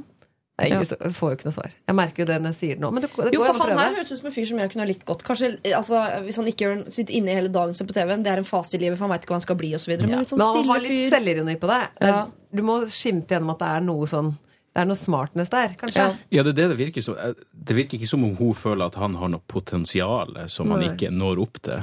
For da kunne det i det minste vært et håp. At hun liksom bare skulle sparke han i ræva og si du, du er så jævla smart, du burde studere etter annet, eller bla, bla, bla. Men Ja. hvis du bare vet syns han om han er er jævlig kjedelig, så Ja. Han, får aldri, han sier jo ikke noe, så hun vet jo ikke hvor, hva Nei, men vet du hva, faktisk, det er litt så tap, altså. Når hun spør hva tenker du på, og han svarer ingenting. tenk- Det spørsmålet må folk slutte å stille. Hva tenker du på? For veldig ofte ja, ja, eh, altså, Det er ikke det at hjernen har skrudd seg av, men det er jo ofte at man tenker på ingenting. At jeg kan sitte i et rom altså, Hvis jeg tenker på noe, så er det at, at jeg sitter i det rommet. Det er, jeg tenker ikke noe annet enn det som faktisk akkurat skjer nå. Det er ikke sånn at jeg sitter og tenker store tanker Men 24 timer i døgnet. når man har vært sammen en stund så, og, og ser sånn Når man først spør da hva tenker du på, da er det noe. Altså Da vet da kjenner man hverandre så godt. Ja. Det er jo i startfasen hvor man er helt sånn kaklehøne med, med bind foran øynene og bare 'Hva tenker du? Hva tenker du? Jeg føler Men etter hvert så er man jo såpass inne at da skjønner man liksom Hvis jeg smeller til med 'hva tenker du på nå', Så så kommer den episoden fra i går kveld opp.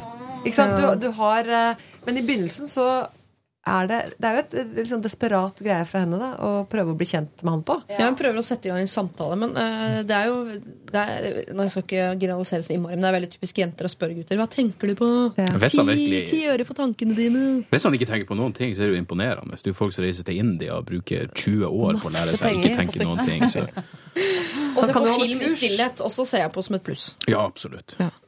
Men uh, det er vel ingen av oss som mener at uh, altfor snill jente 19 her skal bli for å være grei mot han. Nei, det er to, og det er to måneder dere skulle liksom flaksa rundt i bar overkropp, begge to. Og han skulle ha klart å liksom spille den kule gutten fremdeles. Ja. Han burde heller liksom Etter et år så var det Oi, shit, du var ikke sånn. Men hvis du Eller er liksom spiller du det lenge nok, så blir du det. ja. Men også, hvis hun er jo redd for at hun er det eneste lyspunktet i hans liv. Da tenker jeg at det, det er ikke nok i utgangspunktet. Da er det ganske mørkt. Da kan Lisa skru av lyset helt og så begynne fra scratch. Fordi eh, man kan ikke være det eneste lyspunktet i livet til en gutt på 21. Da, da har han problemer utover uh, Utover det hun kan hjelpe til Ja, med. og han finner. Da finner andre, andre lyspunkt. Han må bare zoome litt ut, han også. Ja. Uff. Eh, hvis eh, han hører på Lørdagsrådet, så må jo han også gjerne sende inn eh, problem til oss. For det virker som han også har noen av de. Jeg skal se om vi kan hjelpe han Jeg vil høre hans beskrivelse av hodet. Ja. Og jeg blir gæren. øynene. Han spør meg hele tida hva tenker jeg på, skravler under filmen og Men det er sikkert lettere for han å skrive. Ja, antakeligvis. Jeg, synes, ja, altså, jeg, jeg hadde antakeligvis blitt litt forelska i han fyren her. Det må jeg innrømme. Hvis jeg var 14, da, for jeg liker jo eldre menn. Ikke sant? Men eh, han, det fins en dame for han der ute, med andre ord. Eh, Det er jo ikke meg, da, men en ranen annen. Men det er ikke meg, og det er i hvert fall ikke deg, jente 19. Så du må være eh, snill jente. Og slippe han fri, så han eh, finner det han trenger for å få noen flere lyspunkt i sitt liv utover deg. Da. P3. B.O.B. sammen med Two Chains. Headband heter låta. og Vi har også hørt eh, Ask Embla med deres eh, Father's Eyes. Vi Skal ta et nytt problem her i Lørdagsrådet. Det er mye kjærlighet og skuffelse eh, her i Lørdagsrådet i dag, men sånn det har preget januarbåndet, må jeg si. Hei, Rådet. Jeg har de siste fem ukene holdt sånn halvveis på med en jente som går i første. Jeg går selv i tredje. Vi tar følge hjem fra skolen, holder hender, ler, koser oss og har det kjempebra. Men hun vil ikke binde seg, og det vil ikke jeg helt ennå heller, da vi begge nettopp ble single. På torsdag hadde jeg bursdag, jeg ble 19, og skolen hadde revyfest. Vi var der begge to. Problemet var bare at øh, hun ikke bare klinte med meg den kvelden, men seks-syv andre også. Rett foran meg, på min bursdag. Jeg ble så klart knust, men vet at vi ikke er sammen. Men det at hun gjorde dette på min bursdag, ødela mye.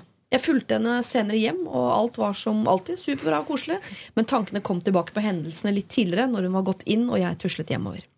Hun mistet nettopp sin far, så jeg tror det er en slags forsvarsmekanisme. dette. Hun vil ikke bli såret. Men jeg vet ikke. Hva skal jeg gjøre? Skal jeg snakke med henne og høre hva som skjer? Skal jeg kreve en unnskyldning? Og skal jeg nevne min teori om dette med farens bortgang? Jeg føler verden raser på min egen bursdag, og jeg trenger deres hjelp. Hilsen Martin, 19. Jeg skjønner at det, der, med at det er på min bursdag at man gjør det om til At da er det slemmere om. Ja, det er det. Ja, det er jo det, men hvis man først er liksom ute på klinekjøret, så Ja, men det er ekstra slemt på bursdagen. ja. kanskje hun Fordi tenkte at det var viktig. Men hvis du kliner med seks-sju andre i løpet av kvelden, så er det jo Det er ingen bursdag som topper det. Altså, Hva, hva legges i klining? Er det tunge og full pakke? Ja, eller er det det er bare nussing? Ja, okay. Ja. Ja, det, Det er mye å kline er sju-åtte stykker Ja. på en kveld. Og det virker som han syns også. Eh, Det, nei, men eh, Hvis du har en spesiell tone med én Ja, men Eh, jeg selv mener at de reglene er forskjellige. I første gym så er du litt slutty og litt sånn herregud, det holdt vi på med hele ungdomsskolen. Det er lov å kline med 19 stykker på en fest, liksom. Mm. Og så, men i tredje klasse så er plutselig det blitt en sånn helt annen regel. ja. Så hun er Kanskje jo bare aldersforskjellen er litt eh, stor, altså. Ja. Men De har ikke lovt hverandre noen ting. Men eh, Nei. selv om man ikke har det, så har man vel litt det? Eller? Nei, men jeg tenker bare på En ting er hvis du kliner sammen på fest. eh, Da har man ikke lovt noen ting nødvendigvis. Men å leie og ha Han føler jo at de har en eller annen, eh, noe mer enn bare sånn klinings. da. Ja. Det virker som kosen sitter lett hos hun. Hvis du skjønner Så Hvis hun er sånn som leier og ler og koser seg, sånn, så er det, det er bare sånn hun er. antageligvis. Det er ikke sikkert, hun har tydeligvis ikke lagt noen ting i det, siden hun kan kline med sju stykker på en kveld uten å nevne det. jeg bare ser for meg at det er sånn at hun sier 'jeg har ikke lyst til å binde meg', og sier 'å nei, nei, ikke jeg heller'. Jeg er nå bare ærlig. Ja, Han har det skikkelig. ikke jeg heller helt enda, skriver Ja, han. for er han er jo litt mer klar enn henne på mm. det med binding. Og da tenker han sikkert sånn Vi passer jo enda bedre sammen nå, for vi er ikke klare for å binde oss noen av. har så herregud. Vi har så mye til felles. Ja, og den ene ljuger for å please den andre. Også. Men det er jo, hvis hun, han kjenner at han begynner å bli forelska, Ja. um, så er det jo Så kommer nok ikke det det, er, det kommer nok ikke til å ordne seg mellom dere to. Nei, jeg tror ikke det. Nei, det tror jeg ikke. Men de har jo snakket tydeligvis om dette med å binde seg, og da er det jo egentlig ganske sånn alvorlig på dealeren hvis i det hele tatt den diskusjonen har kommet opp, for det gjør man jo ikke med hvem som helst. Det går jo ikke bort til fremmedfolk og spør om vi skal binde oss, eller Nei, men er du selv om du er på dealeren med noen, så kliner du ikke da med syv andre på fest på hans bursdag. Ja, Altså, hvis han nettopp har sagt 'jeg er ikke klar for å binde meg, jeg heller', Nei, ikke sant? Da kan han kline med så mange hun vil. Men, eh, å men eh, jeg tenker jo at eh, at dette kan bli et sånt forhold som er mye sånn fram og tilbake. Hvis han er litt keen, litt for keen, og hun er litt sånn Ja, jeg har Mm. Litt han løs på det. Mm. Ja, ikke sant? Og jeg har han som uh, fuck friend. Det er jo ikke noe bra for han. Nei. Altså For henne tror jeg ikke hun Jeg tror ikke hun har liksom gått inn i følelsesskallet ennå på det at hun kommer til å bli såra. Så han må egentlig backe ut, liksom. Ja. Og da kan hun kjenne på om hun savner leiingen og, og alt mulig. Men han må bare eh, stå imot eh, forelskelsen og følelsene, selv om han later som han Han ikke kommer skal til å være livredd hver gang hun skal på fest eller et eller annet. Og så eh, har de bare sånn søndager sammen og går turer og er på Og det kino kan og vare sånn. i plutselig fem år. Ikke sant? Det der fram og tilbake-forholdet. Sånn skal man ikke ha det. Nei. Men for han høres Du, Martin 19, høres kjempeforelsket ut. Fordi hadde en fyr klina med sju stykker foran øynene mine uh, på bursdagen min, så hadde jeg ikke leid han hjem etterpå. Det skal jeg fortelle deg. Hadde jeg leid han et helt annet Og sted. i og med at han er sender inn problemet, så er det noe han tenker mye på og ikke tar, veldig, tar så lett på. At han kjenner at han, dette er viktig for ham. ja. Han her må er bare backe ut. ut. Ja, du må bare backe ut. Og, svelg stoltheten. Back ut. og så kan det hende at hun da eh, tar kontakt igjen og kjenner at oi, men eh, hun ville kanskje ha litt motstand, da. Ja. Eller Men dette med den teorien han har om farens bortgang, da.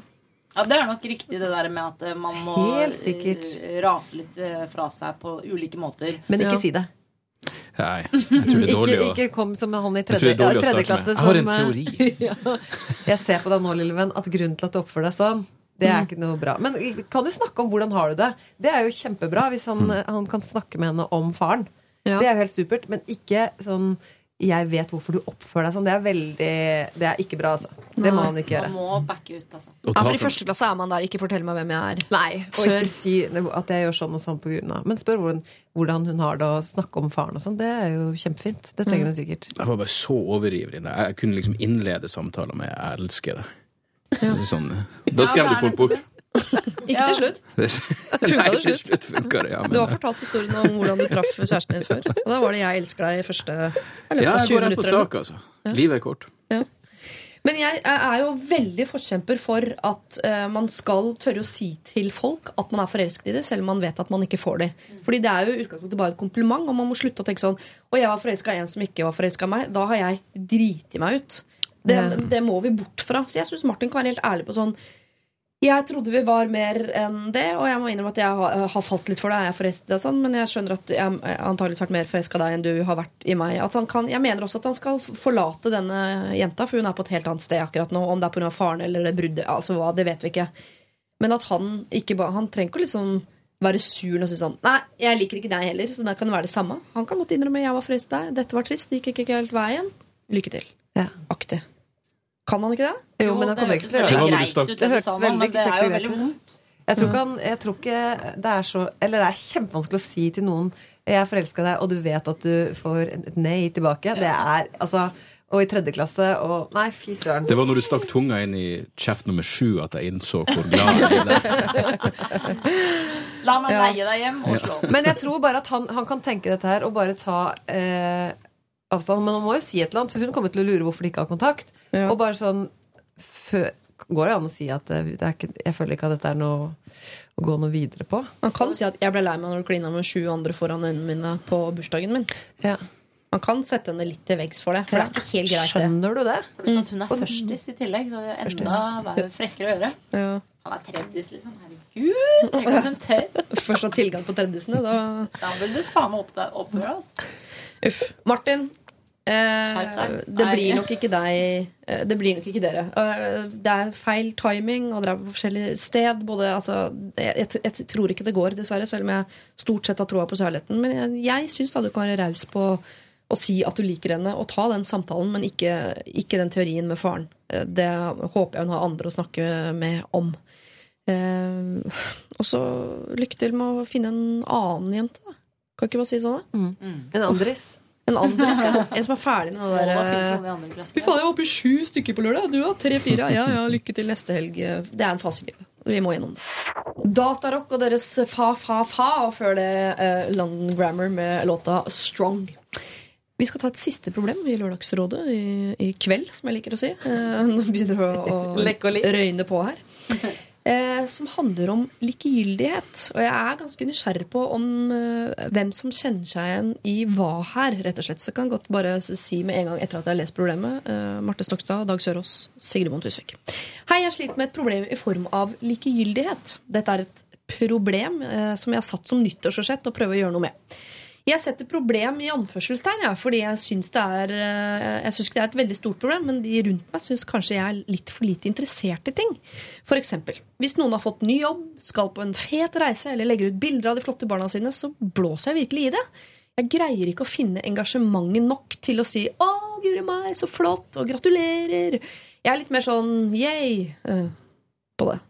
Når venner babler i vei om hverdagsproblemene sine, så greier jeg ikke å finne helt den store interessen for løsningen. Det samme gjelder de stakkars barna i Afrika. Og når det er sagt, så finnes det et par utvalgte få som jeg gir alt til å gå gjennom ild for, men det er helt nære venner, ikke bekjente. Jeg har heller aldri uttrykt voldsom glede overfor f.eks. julegaver eller ting jeg har ønsket meg. Jeg hopper ikke av glede når jeg får tilslag på bolig eller tilbud om ny jobb. Hva kan jeg gjøre for å tvinge fram litt mer uttrykk for glede? Jeg er for øvrig ikke en voldsomt deprimert, eller noe sånt. Jeg har bare aldri vært en innmari positiv type. Det er fint om dere kan kalle meg Trine. eh, vi kan kalle deg Trine. Det går helt fint. Eh, altså, hun Trine, eller? Eh, Nei, det gjør hun ikke. hun er en litt mer sånn jeg-type. Men har som nyttårsforsett å bli en sånn jeg type. Oi, men det Trenger er hun jo, Ja, nei, det hørtes så forferdelig døvt ut hvis hun skulle velge å leve ut en jeg, og så er hun OK, OK Ja. pluss-menneske. Det er jo umulig Ja. i lengden. Jeg klarer heller aldri å engasjere meg noe særlig over eh, folk, så jeg kjenner meg veldig igjen i hennes greie. Ja. Jeg er veldig er jo- ekstremt nysgjerrig, da, så jeg er jo eh, Liker jo å vite ting om folk og, og kan Ja, du eh, virker jo lett- du er- Jeg er entusiastisk, men jeg har jo en kjæreste som er eh, Som har en indre entusiasme som ikke jeg ser så lett. Ja. Eh, Um, for jeg snakker jo oppoverbakke sånn Jeg kan bli litt jeg hvis vi skal Jeg kan glede meg veldig til vi skal på Ikea, for eksempel. Ja. Det kan jeg få veldig sånn derre Herregud, tenk alt vi skal se og kjøpe! Tenk at du skal se og oppleve. men det er et veldig morsomt eksempel, siden menn generelt ikke skal bli glad for å tenke på IKEA. Men det er kanskje sånn, du gleder deg mer til hytteturer og sånn òg, eller? Ja, og jeg Du sier sånn 'Å, det blir så koselig på hyttetur'. Ja, bare, ja, jeg ser for meg veldig ikke sant? Og tenk, i kveld så kan vi bestille sushi! Så ser jeg for meg det. Så jeg lever litt sånn på Eller gleder meg veldig mye til framtiden, da, Ja, sant? generelt. For det gjør ikke jeg. Så Eh. jeg tenker at hun må bare godta at hun er sånn. For jeg har godtatt at jeg Det er det er litt dårlig på Ja, men folk er forskjellige. Jeg tenker på sånn, uh, så jeg husker tilbake i min ungdomstid, når også jeg drev med standup. Uh, så husker jeg, Det er to forskjellige typer. Det er en grunn til at det er noen som blir bedt om å, å rope hvem som skal på scenen. For de kan si sånn 'ta imot!' Og så har de masse entusiasme Ja. Og sier navnet på den som skal på sånn. Så jeg vet at hvis jeg, hvis jeg skulle gjort det, så er det sånn Neste opp på scenen! Sigrid Bonde Tusvik. Altså, jeg, jeg, det er ikke noe, me- jeg har ikke noe mer å gi enn det. Og jeg har, aldri, jeg har ikke skjønt jeg, tenker sånn, jeg har aldri hatt plakater på veggen. Eller aldri hatt noe sånn, jeg, jeg har ikke så mye lidenskap i meg. Jeg er aldri sånn ordentlig fan av noe. Eller blir sånn ordentlig sånn Alt er litt mer sånn på det greie. Og ofte mer i negativ retning enn osv. Helt enig. Og da hørte jeg eh, Harald Eia. Han har eh, altså, s- eh, gransket seg selv noe så innmari og hatt en eh, times radioprogram om det, hvem han er. Og da har han kommet fram til at jeg er ikke født med så mye jubel i meg, var en av punktene han kom fram til. Altså Han for eksempel hadde show i Oslo Spektrum. Stappa hus, god stemning. Og da er det forventet etterpå at man skal være sånn backstage sånn Å, fy faen, gutta! Ja. Man skal være sånn veldig, men han er mer sånn Yeah, det var gøy-aktig. Han har ikke nok jubel i seg til å gå ut med hendene over hodet og si sånn Fy fader, det var fantastisk kult! At han er mer sånn Tusen takk for prisen. Hilse hjem-aktig. det, det skal være sagt, det er jo, det er jo eh, noen som ikke har det i det hele tatt. Og så er det sånn som hun virker. Hun har noen nære venner som hun engasjerer seg i, og eh, som hun er interessert i og møter. De Ja. holder jo massevis. Og så er det noen som ikke har det i det hele tatt, sånn som Harald. Men det virker jo ikke som det gjelder Trine. Nei, men jeg tror nemlig Trine har- blander litt her. At eh, det er ikke det at hun driter i at folk har fått unger. Eller at hun har fått dobbeltstånd. Hun, bare, nei, hun har ikke liksom mulighet til å bli sånn andre ting. Men det, skal, men det skal være sagt, det er ganske mye interessant. Og hvis folk eh, i sånn bekjente og ikke så nære venner eh, forteller om dagligdagse ting på en litt sånn flat måte eh, Bare for å pra holde praten i gang om et eller annet. Gud bedre, det er jo så dørgende kjedelig. Det er egentlig litt sånn svensk måte. Svensker er jo sånn. De bare fyller hele dagen sin med masse dumme ord. Ja, det er sant. Jeg kjenner en del er svensker. De er bare sånn Vet du hva som hendte meg i går? Jeg sto i dusjen, og det var ingen balsam igjen. Så bare sånn Det her kunne du bare sagt. Det er ikke mer balsam i dusjen. Eh, Husk det, og så går du inn og dusjer, liksom. Ja, det er ta eh, Tannpastahistorier, heter det. Ja, Man det- forteller det med mye engasjement at det var tomt for tannpasta. Men Men jeg er jo sånn som eh, da vi skulle besøke deg, du hadde fått et nytt barn. Ja. Så gledet jeg jo meg mest til å se det nye badekaret ditt. Eh, husker jeg, Og da fikk jeg kjeft i bilen. De sa 'husk at du skal se på barnet til Siri, ikke badekar'. For da sa jeg i bilen 'jeg gleder meg så mye til å se badet til Siri'. Og da var folk sånn 'det er et barn der òg, du må engasjere deg i det barnet'. Men du sa til meg 'jeg er så glad for at du liker badekaret bedre enn barnet mitt'. Du Men- så meg, Siri. Så men hun påpeker at hun ikke er deprimert. Men jeg har noen folk i omgangskretsen min som er klinisk deprimert. Og jeg syns de er mye mer interessante å ha med å gjøre når de ikke er på medisin. For det, det, det flate er faen meg det verste som finnes. Det, det er noe provoserende med det, nesten. Så du sliter med hennes likegyldighet? Du syns det Ja, ikke altså, er noe bra? Det er jo forskjell på likegyldighet og apati, men jeg, personlig så er jeg bare utrolig glad for at jeg gleder meg hele tida til et eller annet. Jeg, jeg gleder meg til å hente posten hver dag, for kanskje det er ei bok jeg har bestilt, det Er kommer det ut ei plate det kommer, ut- Jeg jeg er tydeligvis veldig god til å skjule Ja, at jeg er er et relativt Jeg ser ikke for meg at du er en fyr som gjør sånn. Men det er akkurat det. Det er jo indre glede, men at man ikke er sånn jippi! Det går jo også person. jævlig fort over. Jeg liksom åpnet, Der var den boka som jeg aldri blir å lese. Så er det jo over. Men det var i hvert fall en gnist, en gnist av, av, av glede. Men um, Men du blir antageligvis heller ikke spurt på uh, latter, eksempel, om du kan introdusere de andre komikerne i Nei, nei. mikrofonen. For jeg tror ikke du heller er en sånn fyr med masse jubel. Og... andre. Det, det, det er ganske få jeg syns er morsomt. Ja, da, Men det det- hadde ikke jeg turt å bli introdusert av Dag Sørås. Det hadde vært Nei, men- eh, drit, dritskummelt. Men det er Harald Eia-eksempel. Altså Av og til så har du vel kanskje bare gjort ting. Hvis du har, Jeg satt meg ganske begrensa mål. Når jeg hadde gjort Fringe-festivalen, så var jeg sånn Ja, da har jeg gjort det. Hva, hva er det mer jeg skal gjøre? Jeg har ikke noe drøm om å selge ut Oslo Spektrum. Så nå fortsetter det bare på det her nivået, så jeg er glad og fornøyd. Men jeg kan kose meg mer altså jeg er mer entusiastisk når jeg kanskje sitter hjemme og øh, googler og bestiller meg en, øh, en liten reise øh, for meg og familien, enn etter en TV-sending, f.eks. Ja. Altså det er noe med at den, den jubelen som jeg har masse av i meg, den er ikke alltid over de store anledningene. Eller sånn 'Å, jeg har bursdag!' Men det er mer hverdagsjubling, da. Ja. Ja, fordi Eller nå har jeg veldig bestemt meg for Nå har jeg brekt ned Trine i mitt hode og hvem hun er. Kan være helt altså på villspor. For jeg synes Likegyldighet, apati og sånn selvfølgelig er provoserende, og det bør man gjøre noe med. Men jeg tror ikke nødvendigvis hun er det. Hun har bare ikke funnet ut om seg selv ennå at hun er et menneske som er født med lite jubel i seg. Og det har ikke noe med at du er likegyldig til det. Du bare har ikke muligheten til å bli eh, bli en sånn, en, et jublende vesen. Så må ta en sånn eh, testrunde på La oss si dere hadde vunnet en pris for årets beste menneske. Ikke sant? Og skal opp på scenen og si tusen takk. Hvor mange av dere hadde tatt henda i været og jubla? Jeg tipper én, og det er Marte. Men, eh, Enig, jeg hadde ikke turt å Nei, ikke juble og menneske. årets menneske. For det hadde jeg ikke følt var rettferdig. ja, for årets beste TV-program, da. Eller altså Det hadde, sånn. det hadde vært Du hadde jubla. Ja, ja, ja. Jeg hadde klappet masse i hendene. Du hadde kjørt kot, kot-style. Dag, ikke så mye. Nei, jeg tror jeg ville synes det var litt mer flaut. Jeg mener, På et eller annet vis så har man jo et ego som er ute av all, alle proporsjoner fordi du står på en scene og prater, men den type oppmerksomhet er litt sånn, det er jævlig kleint. For du har liksom ikke noe å komme med, annet enn at du har fått en eller annen pris. Det er litt viktig å få pris, da. Nå har jeg aldri fått pris, og jeg tenker under meg at eh, det er kjempegøy å få pris. Jeg skal gi deg en pris Det er bare derfor jeg Men igjen, pris er sånn store anledninger, da. Jo, Mer i de derre der eh, små bare er, jeg, for meg er det et sånn tydelig eksempel på at, at eh, selv om hun ikke jubler over at noen har lagt ut et fint bilde, eller at noen har fått ny jobb, eller sånn, så det er ikke nødvendigvis at hun er likegyldig til det. Hun bare er ikke en, et jublende vesen. For hun har det jo i seg. Hun har jo noen få eh, utvalgte som gir alt å gå gjennom ild for. Det er det ikke alle som kan si. Nei. Men kanskje hun ikke legger merke til hvor glad For min glede er også sånn, den, den kommer, og så er den der, men det, det er ikke som jeg går i flere dager og er glad over noen verdens ting. Og det viktigste er at du må ikke begynne å fake. For da blir du et veldig feil menneske. Nei, for Hun spør hva kan jeg gjøre for å tvinge fram litt mer uttrykt Trenger ikke uttrykk for glede. Ikke Ikke det. gjør det. Nei, for det er Miss Døv. Ja. Ja. Det må man ikke gjøre. Jeg hadde jo som litt sånn uh, nyttårsforsett for noen år tilbake at jeg skulle bli roligere.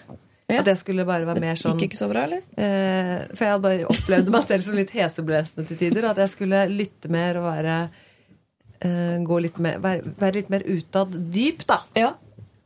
Og det Så det jobba jeg litt med et år. Men det er jo det er en fin sirkel, egentlig, dette her. For det var, vi begynte med nyttårsretter i dag morges, hvor jeg spurte er det mulig for to uh, kvinner i 30-årene å plutselig nå bli liksom snillere enn de allerede er. Jeg mener jo nei.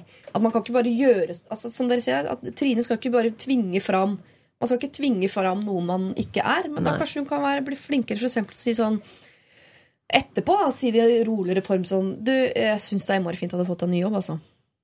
Men du trenger ikke å reise seg rundt bordet med hendene over været og være en sånn og, og fake det der engasjementet der.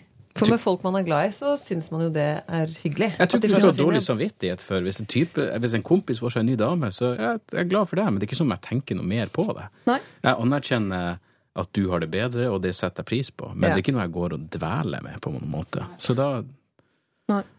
Jeg tror og håper at du ikke er et likegyldig menneske eller et apatisk menneske eller et, en som gir faen eller er eh, en negativ person. Jeg tror bare Du må liksom slå et rom at du er en sånn rolig type, da. Og så får du bruke det som best eh, du kan. Og nei, du skal ikke begynne å juble og hoppe i taket og være sånn eh, faked positiv.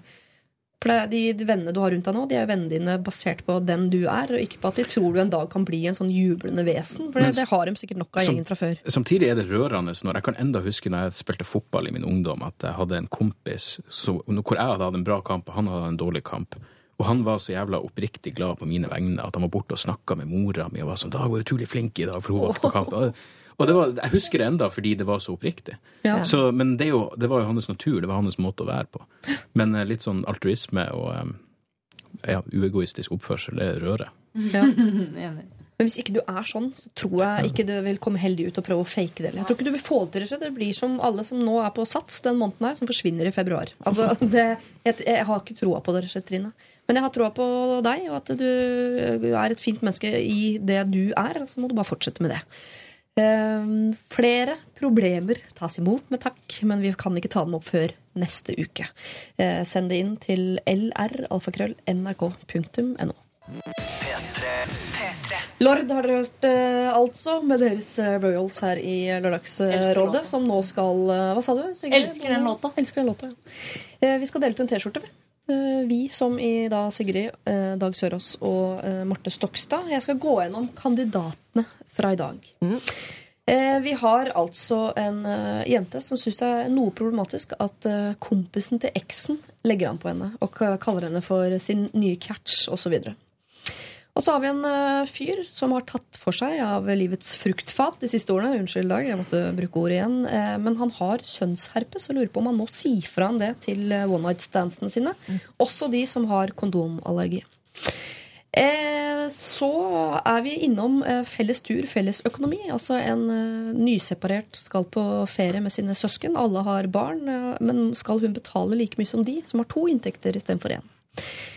Vi har også en fyr her som blir noe nervøs av at dama hans faktisk blir litt kåt av The Big Bang Theory, altså sitcomen, og lurer på om han nå må bli nerd på linje med de fremover for å tenne henne på samme måte. Nei, det må du ikke. Så har vi kvinnen som savner Vestlandet så mye at hun vurderer å hoppe av karrierestigen og begynne på trinn 1 på Vestlandet. Så har vi eh, denne jenta som har vært sammen fyr i tre måneder, og det viser seg at han er ikke den hun trodde i utgangspunktet. Han er mye, mye kjedeligere enn den hun så for seg at han var. Og så har vi den dystre historien om han som er forelsket i en førstis, selv om han selv er treddis. Eh, trodde hun var forelsket i seg også, men på hans bursdag foran hans øyne klinte hun med en seks til syv andre gutter. Kan han ta det opp? Eh, og så har vi til slutt eh, jenta som er eh, Som sier hun er likegyldig, men som jeg da mener å påstå at ikke er likegyldig. Hun er bare født med litt lite jubel i seg, denne Trine. Hvem fortjener T-skjorte? Jeg tenkte når jeg gikk gjennom nå, så er det sånn eh, soleklart eh, denne alenemoren, tenker jeg, som kanskje ikke har all verdens av økonomi.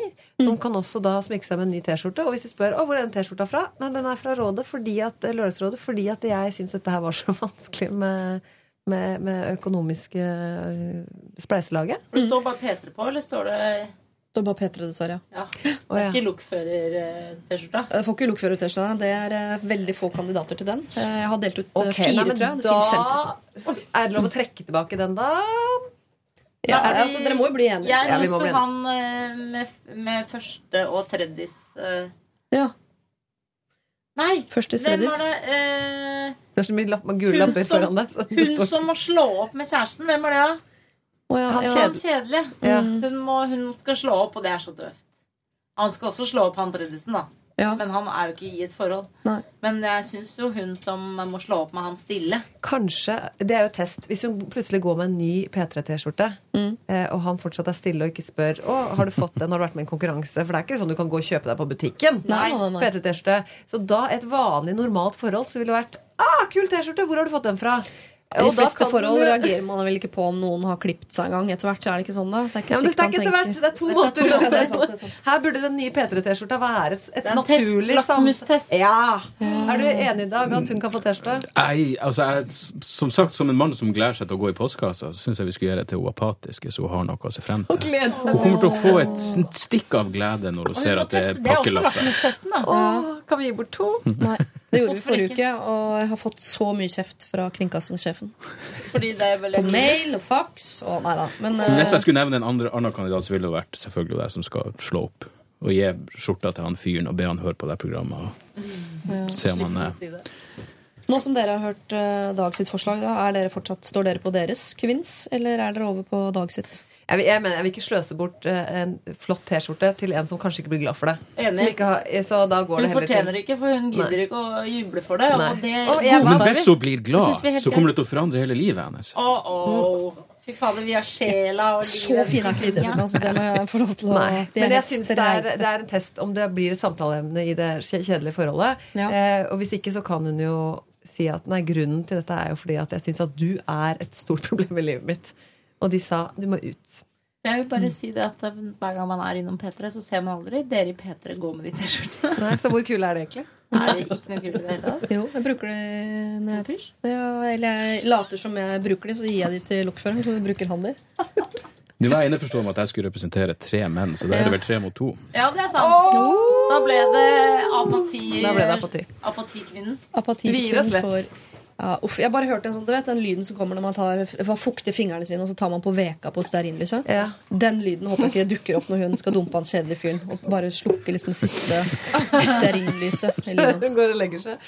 Ja. Ikke sant? For det, det forholdet der trenger ikke, kan ikke reddes med T-skjorte. Mens uh, empatignisten, den kan vekkes. Og nå får du oppleve sånn Dag og gå og glede deg til å hente posten. Det, er, eh, Gratulatore! det var en fin og verdig avslutning, syns jeg. De tre guttene Dag eh, klarte altså å dra med seg de to jentene Sigrid og Marte over på T-skjorta i dag går til eh, apatikvinnen, likegyldighetskvinnen, som vi da håper bare er en kvinne, eh, som ikke har så mye jubel i seg, men som kan vekkes av denne P3-T-skjorta.